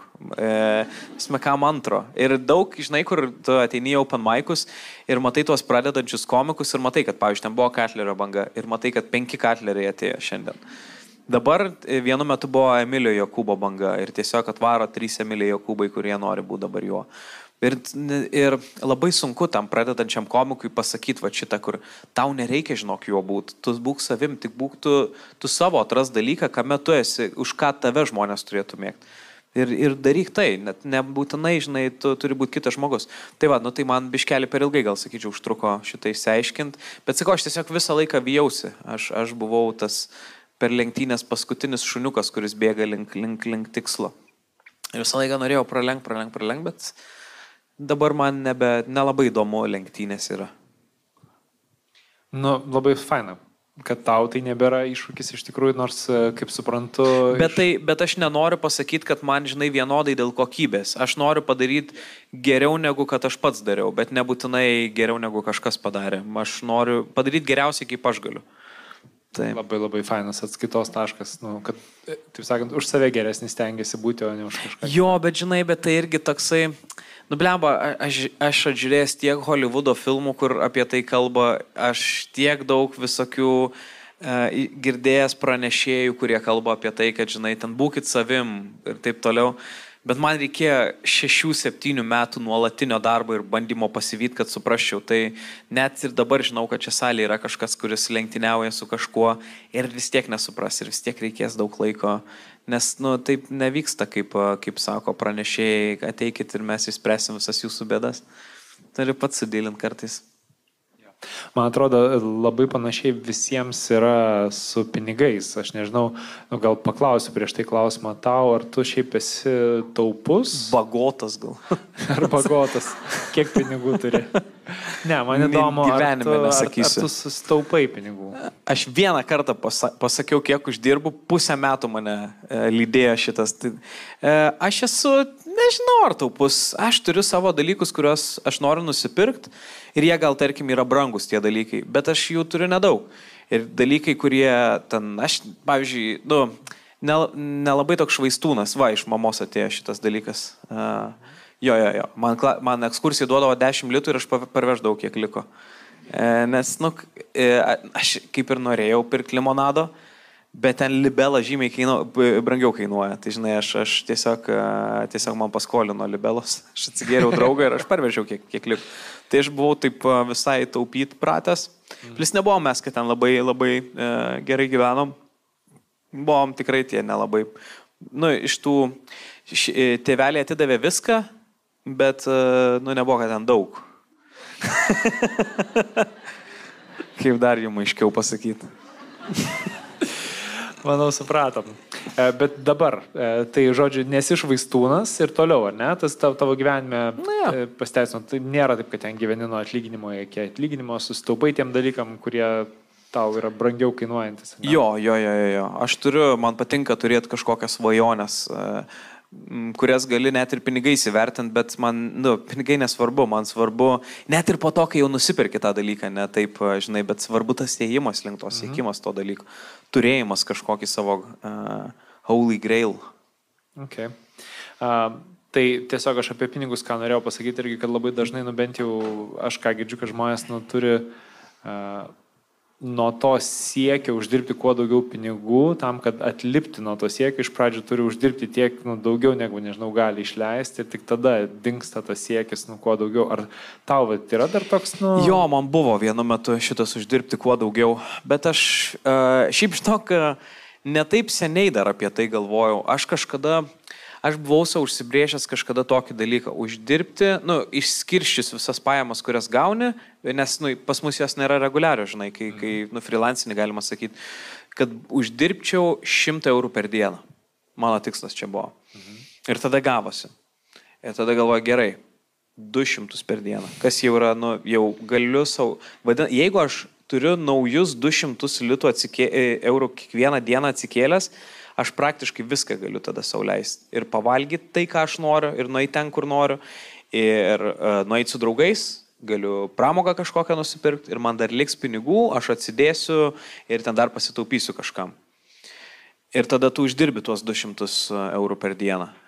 Ir tada išsikėlė naują savo tikslą.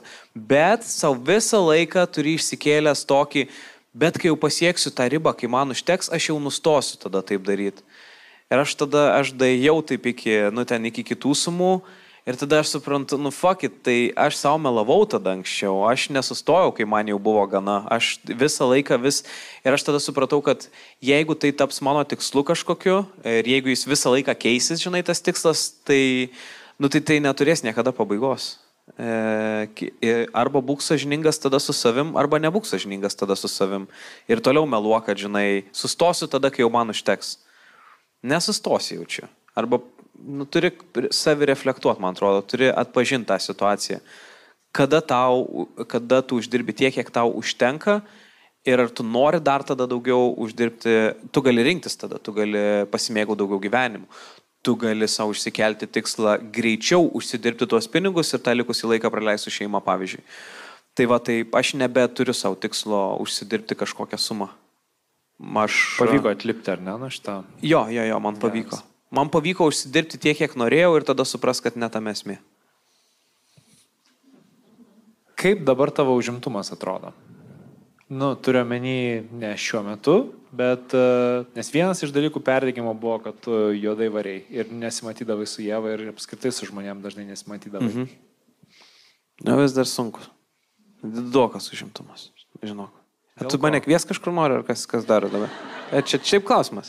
Šiaip klausimas. Daug, nu, didelis užimtumas, bet jis protingiau sudėliotas žymiai. Tie darbai yra tie, kurie man lengviau pasidaro, darbai yra tie, kurie man labiau patinka. Uh, nebėra tų nesąmoningų darbų, kur aš žinau, kad aš netgi nusimatęs jam dieną, bet čia toks melas ir aš pats žinau, kad ten bent penkių dienų reikalas yra ta, tas darbas, kurį aš pasėmiau. Tai tokių nebėra jau, nu, arba bent jau stengiuosi, kad nebūtų juos visus išgyvendinu ir noriu dalyti, daryti dalykus, kurie man patinka dabar.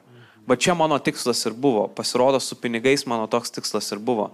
Uždirbti tiek, kad aš galėčiau veikti dalykus, kurie man patinka. Tai aš, aš žiauri noriu spektaklį suvaidinti ir nu, nuo seniai svajojau ir vis nedrįzdavau ir turbūt, kad nuo kitų metų spektaklį turėsiu. tada aš noriu, aš noriu, e, yra daug labai žiauriai keistų svajonių, ne, nepatikėtum, jeigu pasakyčiau. Pabandyk mane. Gerai, aš noriu, kad... E, gerai. Žiūrėk. Aš noriu, kad, nežinau kada, bet, tark, nu, lėtsiai, 2027 metų Eurovizija vyktų Vilniui, nes aš ją būsiu atvežęs čia. Su kitais komikais. Okay. Čia yra planas. Bet dab, negaliu nieko dar sakyti. Bet žinai, kas yra uh, keista, kad pavyzdžiui, nu gerai, kalbant apie Euroviziją, kur tipo, aš įsivaizduoju, kur mes ten su komikais padarom gabalą, uh, Ir aš įsivaizduoju net, kad už mus Lietuvoje tai prabalsuot gali, bet mes taip apsijuoktume ir taip apjuoktume visą Lietuvą, kur e, Eurovizijai. Aš tikrai nesąmonę kokią nors padaryčiau. Arba būtų labai linksma, ką mes darytume, arba niekas vapšė nesprastų, ką mes čia norim įrodyti. Jo išlėto nuplojinėja mus ant Eurovizijos scenos. Oh, fuck. Jo, tai sakau, nu labai keistų turiu užmačių, bet uh, kai kurios realios, kai kurios tikrai ne, bet, uh, bet uh, jo, yra, yra. Bet aš šitą taip širdį jauti, kad reali, ar tokia labiau... Ne dabar, jinai reali, bet ne dabar dar biškelį. Reikėtų, reikėtų pabręsti ir pabrandinti šitą idėją. Pienina jau nusipirkai. va, va, va, gera pradžia. Ta pusė jau. Jo, tai e, jo ir yra, kas nori kartu, taip, žodžiu, visai ten gali. Šiais metais Henris turėjo dalyvauti, Henry Match, bet nepraėjo jo gabalas.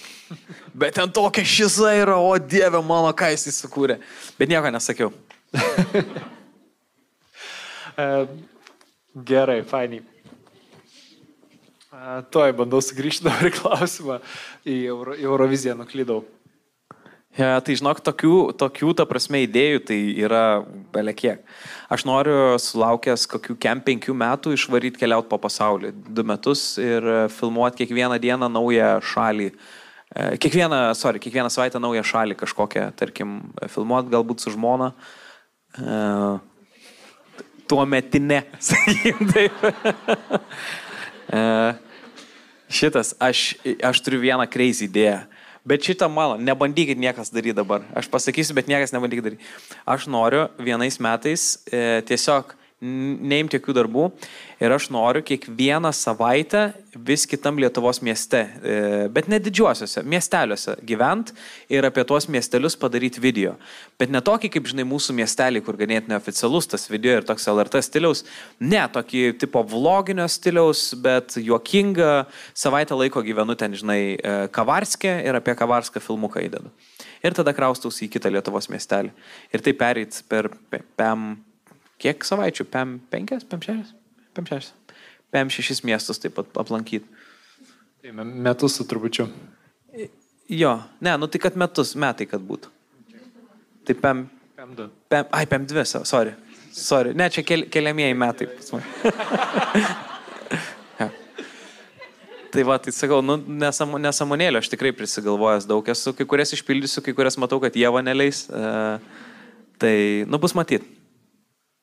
Jo, bet e, fainiausias dalykas iš tiesų, ką aš norėjau akcentuoti ir kas, kas man nu, tavie labai labai žavu ir manau, kad e, šiaip nesnei beje knygą vieną skaičiau, e, 4000 savaičių ir aš apie ją jau daug kalbu, bet ten e, Ne, apart to, kad 4000 savaičių tai yra šiaip, e, kiek mes maždaug turim per savo gyvenimą, jeigu iki 80 gyvenam, kas yra įdomi, įdomus konceptas ir įdomus būdas pasižiūrėti į savo gyvenimą.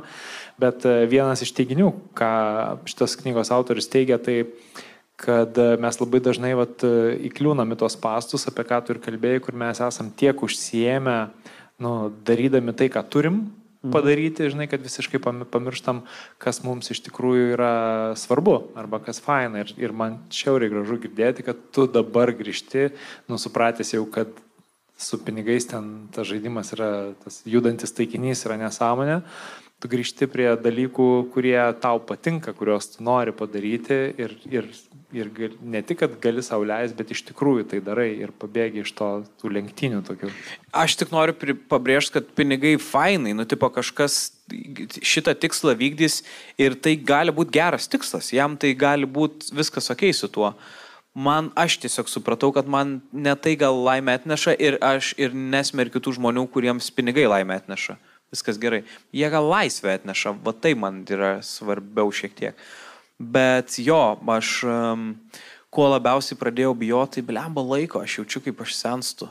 Aš žinau, kad keista, kai tau sakau tau kiam, tai tau, tau jau tikrai tik tak, tik tak, kaip sakant. Bet, bet aš blemba, kuo toliau, tuo labiau vertinu šitą. Aš suprantu, kad nu, tas anksčiau buvęs dalykas, kur ten lauki penktadienį yra, what the fuck, kaip tu gali la, laukti penktadienį, nu, okei, okay, visą laiką lauki penktadienio, bet negyventi, jokiais būdais negalima gyventi laukimu savaitgalio. Yra visai faina antradienis diena. Tarsi, nu, daryk dalykus, kad tik nereikėtų pragyventi iki penktadienio. Jo, jo, aš sakau, jaučiu, kad ir senstu, ir laikas bėga. Aš šimtai aš jau senstu. Aš, man... Tai visi senstam, tai. Ne, tai logiškai. Taip. Jo, bet, bet man jau atsiliep pradeda. Aš, ne, aš žinot, kas yra, aš neprigirdžiu biški. Man sunku tai pripažinti, bet aš jau čia yra pirma vieta, kur jau oficialiai pripažįstu, aš neprigirdžiu kartais, ką man sako. Pavyzdžiui, žmona, mano dabartinė, jinai pyksta netgi. Tipo, jinai sako ir aš ką, ir aš belė kiek daug, ką. Aš negirdžiu tiesiog. Mes su seneliu kaip du skirtingom kalbom atrodo kalbam. E, aš, vat, nu čia yra senimo, man atrodo, požymis. Aš anksčiau aфиgenai girdėjau, kaip šikšnosparnis. Dabar aš tik girdžiu, kad kalba. Bet ką jau man, jau ne. Um, man taip sunku grįžti su tavim atgal į mūsų pokalbį, bet labai labai linksma. Nežinau, gerai leidžiu laiką. Kaip jūs laiką leidžiat? Fainiai? Jei. Jėga. Uh, gerai. Uh, tai grįžai prie svarbių tau dalykų, bet uh, man įdomu, kas dar tau yra dalykai, nu, bet be projektų, kuriuos tu ketiniai gyventi, kas yra kasdieniai dalykai, kurie tau teikia džiaugsmo. Aš turiu nu, tokį klausimą kaip ir apie laimę, žinai, kas tau yra bendrai laimės. Nežinau, ar tu galvoji apie tai, kas tau suteikia tą laimės jausmą ir kokie va tie kasdieniai dalykai, kurie tai suteikia. Ką žinau, kasdieniai? Nu, Man patinka, man patinka labai, pavyzdžiui, va, kas man patinka. Man patinka skaniai pavalgyti, bet naujai kažką skaniai pavalgyti. Aš labai mėgstu išbandyti dalykus. Man patinka, labai patinka atrasti naują grupę, kuri man po to, kaip vėliau išaiškės, patinka. Man džiauri patinka. Labai patinka atrasti kažkokį patiekalą, kuris vėliau taps mano labai mėgiamas. Ne, nu, nerealus jausmas. Bet aš nežinau, ar jie tokie labai kasdieniniai. Tai tiesiog, nu, pavalgyti man patinka. Bet, o, surprise, surprise, žinai. E, tai atras naujus dalykus man labai patinka. E, man patinka prisivers pasportuoti, man žiauriai patinka. Bet labai tai retai įvyksta. Aš nežinau kodėl. E, man patinka labai gerai padirbėti, jeigu man, ša, jeigu, va, jie važino šitą, jeigu, kažka, jeigu man sekas rašyti ir aš grįžtu, pavyzdžiui, arba iš Emkico, arba šiaip per naktį sėdėjęs ir jeigu man pasirašo kažkas gero, viskas, ma, aš kitą dieną toks laimingas būnu. Man belė kaip smagu viskas, man gera nuotaika, nes man pasirašė, man pavyko kažką parašyti. Tai labai geras jausmas, kai sukuri kažką. Mm. Tai šitas mane labai veža. O šiaip Man, aš kuo toliau, tuo labiau aš su draugais labai pradėjau vertinti laiką. Jeigu man patinka labai, susi, jeigu jau mes ten susiplanuojam, kad varom kažkur, tai man patinka apgalvoti, ką mes veiksim vakare, ten, kur eisim, apie ką kalbėsim. Labai laukiu visą laiką, labai planuoti. Man patinka bilietus turėti į kelionę kažkokią kišeniai ir kad nu, labai faina galvoti ten. Tai jau daryti simulaciją, kaip aš vaikščiosiu ten, tam, tam, ten Marokė ar kur nors. Prieš kiek laiko bilietus užsiperki? Nu, mėgsti planuoti labai toli į ateitį. Va dabar norim nusipirkti gruodžio mėnesį į New Yorką. Labai noriu kalėdinį New Yorką pamatyti, e, nes niekada nemačiau. Ir paprasto nemačiau New Yorko. Aš jokio nemačiau. Tai norim, norim va dabar nuvaryti. Tai va visą laiką man, jeigu ten kokias likus pusiai metų, tai labai fainai. Va susi, susiplanavom kelionę į kalnus, man labai snowboardinta. Aš atradau, kad man snowboardinimas yra labai mano dalykas. Ir man labai patinka. Ir mes net va dabar variam į druskininkus pa, pačiaužyti su, su bordu. Džiauriai smagu. Ir aš dabar taip laukiu tos žiemos kelionės, taip smagu galvot, kaip čiuošiu nuo kalno. Tai žiauriai cool. Ir dėl to ieškojau pakaitalo ir wakint pradėjau, bet labai taip dar e, paviršutiniškai. E, Ok, visas vaikas yra paviršutiniškas, teoriškai. Bet, e, nu, dar prastokas iš manęs ten veikintojas ir aš supratau, kad man patinka, bet, bet tu varai tik ten, kur virvė yra. O snowboardinimas yra laisvė. Jo. Kur nori. Žinai, e, snowboardinimas yra mašina, veikinimas yra troleibus. Supranti? Taip. Tai yra maršrutas. Tai va. E, Knygas ar mėgsti skaityti? Mėgstu. Čia yra vienas iš mano mėgstamiausių dalykų apgaudinėti save, kad paskaitysiu kelionį kažką. Labai labai patinka įsivaizduoti, kaip aš, aš esu tiek knygų pradėjęs ir nepabaigęs, tu net neįsivaizduoji. Tai gal ne, nepatiko? Bet tiko labai. Bet... Kur, palauk, kokią dabar skaičiau, kur vėžiai žiemoja. Kur, ne, kur gėda vėžiai. Kur gėda jo? Kur gėda vėžiai, jo. Jo. Patiko pradžia, ne? Pradž... Aš, aš neįsiaiškinau, dėl ko, kas atsitiko, dėl ko ta žmogžudystė buvo, nežinau. Bet man tai patiko skaityti, bet trečdalis liko, įdomiausia dalis liko. ir grįžom iš kelionės, viskas. Tai ką, aš neskaitysiu paprastą dieną. Tai, tai sakau, daug pradėjau. Pradėjau šitą prezidentą ir pranešėją. E, paskaičiau, paskaičiau ir pamiršau pradžią ir dabar vėl iš naujo pradėti reikia. Ir vat, nes tiek daug veikėjų yra, mm. kaip skaičiau šitą šimtą metų vienatvės, o ten veikėjų yra, o, dievulėliau. E, netgi yra, man atrodo, puslapis, kur yra giminės medis visas subraižytas tų veikėjų. Tai ten turėjau greitai paskaityti, nes supratau, jeigu padėsiu šitą knygą į šoną, tai viskas, labanaktis. Čia jau spėjau, Ambrazevičius buvo rekomendacija, ar ne? Ne, aš nuo šitą nuo seniai, aš e, velniškai, man labai labai patinka žiūrėti arba skaityti arba matyti dalykus, kuriuos padarė žmonės, kur aš matau, kad aš taip niekada nepadarysiu taip gerai.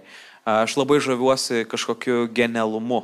Pavyzdžiui, man e, Markesas, man, aš matau, kad aš taip negalėčiau taip gerai rašyti. Man atrodo, kad aš galėčiau gerai rašyti, jeigu aš nueičiau į rašymą, aš ganėtinai, man atrodo, geras galėčiau būti rašyme, bet aš nepasiekčiau niekada tokio lygio, kokį jis yra pasiekęs ir man dėl to taip yra fainai skaityti ir žinot, kad man net nereikia bandyti, aš taip gerai niekada nepadarysiu. Žiauri geras jausmas. Ten Peter Benz man labai patinka konsus klausyti. Uh, uh, uh, labai geras pianistas. Uh, dar yra vienas labai geras uh, Collier, Collier, man atrodo.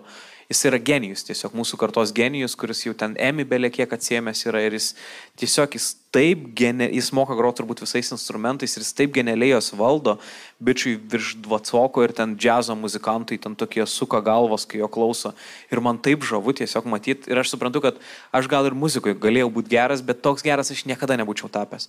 Ir man labai, e, labai patinka džiaugtis genialumu kažkieno. Bet neužeina toks noras tapti irgi kažkuo toj srityje. Tai yra, yra, žinai, kur ten pažiūri e, fulės čiampą ir tada eini, varau, aš irgi tada tą patį atkartosiu dabar ir per galvą bandysiu spardyti. Bet tada, žinai, užtenka prisilies prie klavišo ir supras, ne, ne, per, per, per daug. Tai va, bet, bet patinka žavėtis to. O kalbant apie knygas, Jo. audio knygų nesibandęs. Esu bandęs uh, mūsų valdovo, bet ten, kur tie vaikai. Nepatiko man nei vaikai, nepatiko nei, nei... Aš bėgau, matai, aš galvoju, gerai, bėgsiu ir klausysiu knygų. Bet man ir bėg nepatinka irgi. Tai aš iš esmės e, bėgu, man tas, aš nežinau, o čia visų ausis tokios ar ne, ar man tik tai, man žiauri krenta ausinė. Krenta ir man. Kam krenta ausis? Ausinės tai yra. Jo, ne, aš ta prasme, aš negaliu. Daugam krenta. va. Aš galvoju, kad gal mano ausis, nes aš, aš tik įsidedu man iš karto iš, iš, iš, Aš tai tik pradedu šnekėti, įsidėjęs ausines ir man pradėjo skristi. Tai Ne, nusakau, sakau. blogiau. Nu tai va, tai man ne- nelabai mano dalykas pastebėjau. Nu, jo, bet šiaip jeigu rimtai, tai yra ausinių, kurios užsidedi ir jos nekrenta, nes jos lankelį tokį turi, kuris užspaudžia. Tai headphones? Tai. Na, ne, labiau toks, bet bėgimo. Jo, bet, bet vis tiek yra, kad iš, ne tai, kad iškrenta, bet toks, pukš, nu, sunku pasakyti, kas tai yra, bet Taip, taip. ir nebeatsigirdi taip gerai. Ir vis tiek turi. Huh? Huh? Tai yra, yra ir man tas.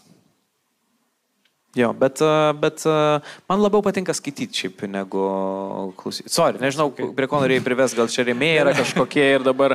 Yra remėjai, bet aš e, šiaip e, tiesiog man įdomu buvo, dėl to, kad aš labai mėgstu turbūt audio knygas klausyti. Jo. Ir e, e, norėjau paklausti, ar ir tu mėgsti. Ne. Ne, tu nepyk, nieko asmeniško, Tai aš neturiu prieš tave. Tu iškart užsišikai. Ta prasme, nu, čia yra mano reikalas. Nu. Iškart dešimt klausimų praleidžiam. Aha. E, Gerai, aš norėsiu iš tiesų jau pereiti į mūsų antrą dalį, e, kuri bus žymiai trumpesnė. Neišsigąs. Kodėl? Kas yra? Laikas jau eina į pabaigą. E, Bet prieš pereinant į antrą dalį, aš dar noriu uh, tokį vieną klausimą, galbūt apie tai temą, kurią mes šiek tiek mažiau pakalbėjom, bet vis tiek užduosiu, nes uh, nu, di dideliai daliai pino auditorijos tai yra aktualus klausimas. Tik nežinau, galbūt kiek tu tai galėsi patarti, dėl to, kad tu niekada nedirbai nuo 8 iki 9. Nes tave tas darbas tiesiog nu, ta, negali Aš atsikeliu, atsikelt. aš neatsikeliu. Nepadarau pirmo žingsnio. Uh, Bet aš galiu kitus, aš drąsiai galiu patarinėti. Aš esu dirbęs, beje, aš esu dirbęs renginių organizavime. Aš, nu, pačia buvo vienas ilgesnių darbų, tų oficinių, kuriuos aš esu dirbęs, nu, tai kažkiek truputį esu. Bet ten lankščiai žiūrėjo į mane. Bet e, viena iš didžiulių baimių, kurią turi žmonės, nusakykim, kurie dirba jau, turi darbą ir jame yra labai ilgai įstrigę, gal tai pavadinkim, jie patys galbūt įvardė, kad jie jau yra tenai įstrigę.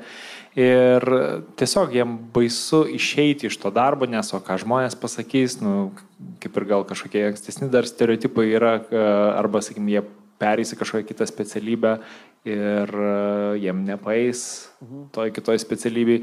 Nu, Daug visokių tokių baimių prisikaupia. Tai vad, ką tokiam žmogui, kuris yra įstrigęs tame, galėtum, nežinau, patarti, koks būtų tavo nu, išsila, išsivadavimo planas iš tokios situacijos. Nu, nežinau, žinok, visgi tada ką patart. Nu, aš tai, pavyzdžiui, visą laiką galvodavau vat, apie tai, kai dirbau tokį darbą, mane net nupurtydavo nuo minties, kad aš nieko neturiu, kad aš dirbu ne savo iš tikrųjų ir kad uh, dirbu žmogui, kuris nusprendžia, kiek aš dirbsiu, link kur aš dirbsiu, kokį dalyką aš darysiu, kokie tikslai ten yra mėnesio, metų tikslai ir kažkas visus šitus dalykus už mane sprendžia ir aš tiesiog esu tas žmogus, kuris įvykdau kažkokią man paskirtą užduotį, bet galiausiai at the end of the day aš nieko, nelabai kažką turiu po to, nu, išskyrus piniginę išraišką. Tai man šitas labai labai nupurtydavo nuo, nuo to. Tada kitas dalykas man, nu, vis tiek kažkur turbūt aš menininkas esu ir man reikia turėti laisvę savo.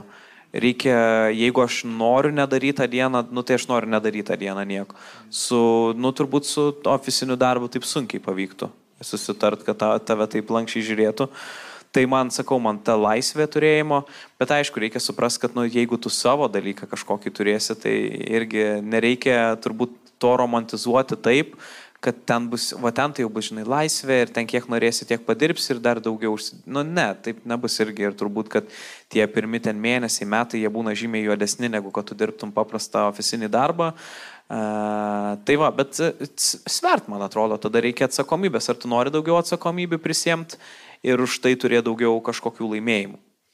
Ar tu nenori? Ir man, aš, aš supratau, kad aš galiu prisimti daugiau atsakomybių, nes man yra tam tikri dalykai, kuriuos aš turiu galbūt, nesakau, man tai, tai yra laisvė, kad aš kada noriu, kur noriu, ten galėčiau būti. Tiesiog atsakomybė yra, tu pats prisižiūri, kad tu tada, nu, tu turi suprasti, kad kitaip negu kad ra, nerašant, tu, tad, nu, tu negausi tos laisvės, nes tau baigsis pinigai ir tu tada turėsi, nu, bankrutuoji, išeini į ofisą dirbti atgal. Tu turi prisiversti, tada tu turi kiekvieną dieną prisižiūrėti, kad tu rašytum.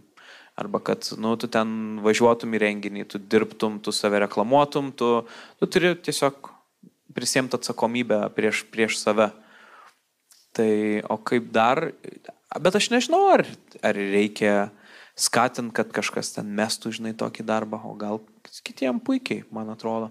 Aš manau, kad tikrai yra didelė dalis žmonių, kurie galbūt nebent tai mestų, nes kiti kalba, kad atseit gerai mesti, bet yra ir žmonių tokių, kurie tikrai tenka bendrauti, kurie nukankinasi ten ir kaip ir supranta, kad e, kažkur kitur galėtų realizuotis, bet yra tas, nežinau, toks, um, bandau prisiminti dabar, kaip tai yra įvardyjama, bet uh, Iš esmės, žodžiu, tu spastos jautiesi įkliuvęs, kur tu kaip ir žinai, kad reikėtų iš to išeiti, bet esi tiek laiko jau tai darai, kad negali išsivaduoti.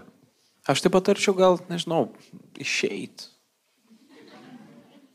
Toks gal logiškas. O po to jau žiūrėsim. O po to gali būti blogai.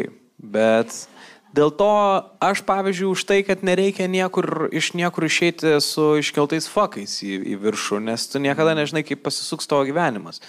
Aš už tai, kad e, palaikyti gerus santykius ir gal netgi padės tau tas e, kolektyvas, e, nu, vis tiek draugai, manau, vis tiek lieka, kolektyvo žmonės lieka ir jeigu geras santykis, tai gal netgi tai išeis į naudą ir gal netgi padės papasakos, kaip pasidaryti savo dalykus.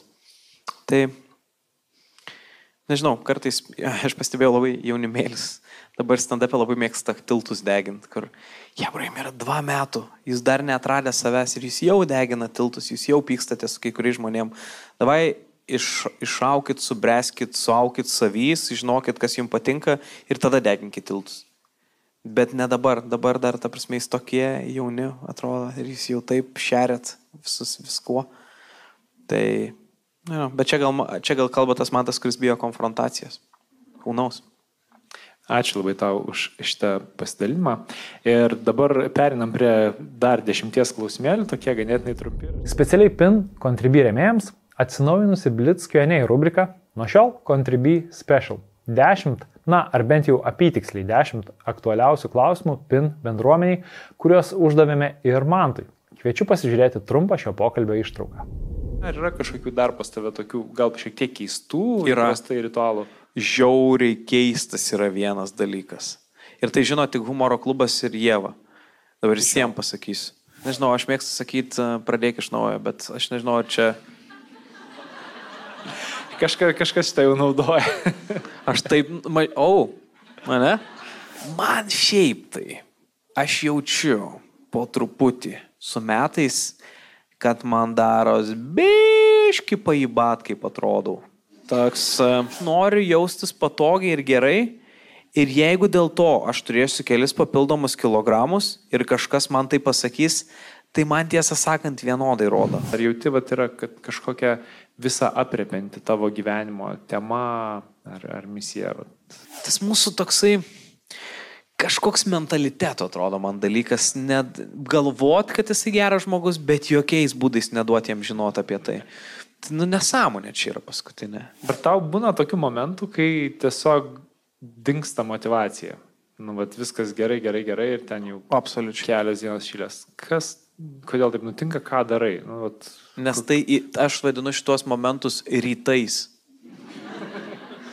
e, Ir tada ką darau? Prisijung prie PIN vidinio rato adresu contribui.com, pasviras brūkšnelis PIN ir klausyk šio pokalbio tesnio. Contribui rėmėjams taip pat iš ankstinės laidos peržiūros, nemokamos audio knygos, audioteka šortai, seminarai PIN temomis, svečių knygų rekomendacijos ir kitos gerybės. Viską rasi adresu contribui.com, pasviras brūkšnelis PIN. Beje, kaip manai, gal šis manto pasidalinimas galėtų būti vertingas kam nors tavo aplinkoje? Pasidalinsi? Vargu ar kitaip jie patys atras, kai dabar tokia didžiulė turinio pasiūla. Ir nepamiršk paspausti liukso. Žinoma, jeigu laida tikrai patiko, iš anksto už tai ačiū tau. Ir iki kito karto.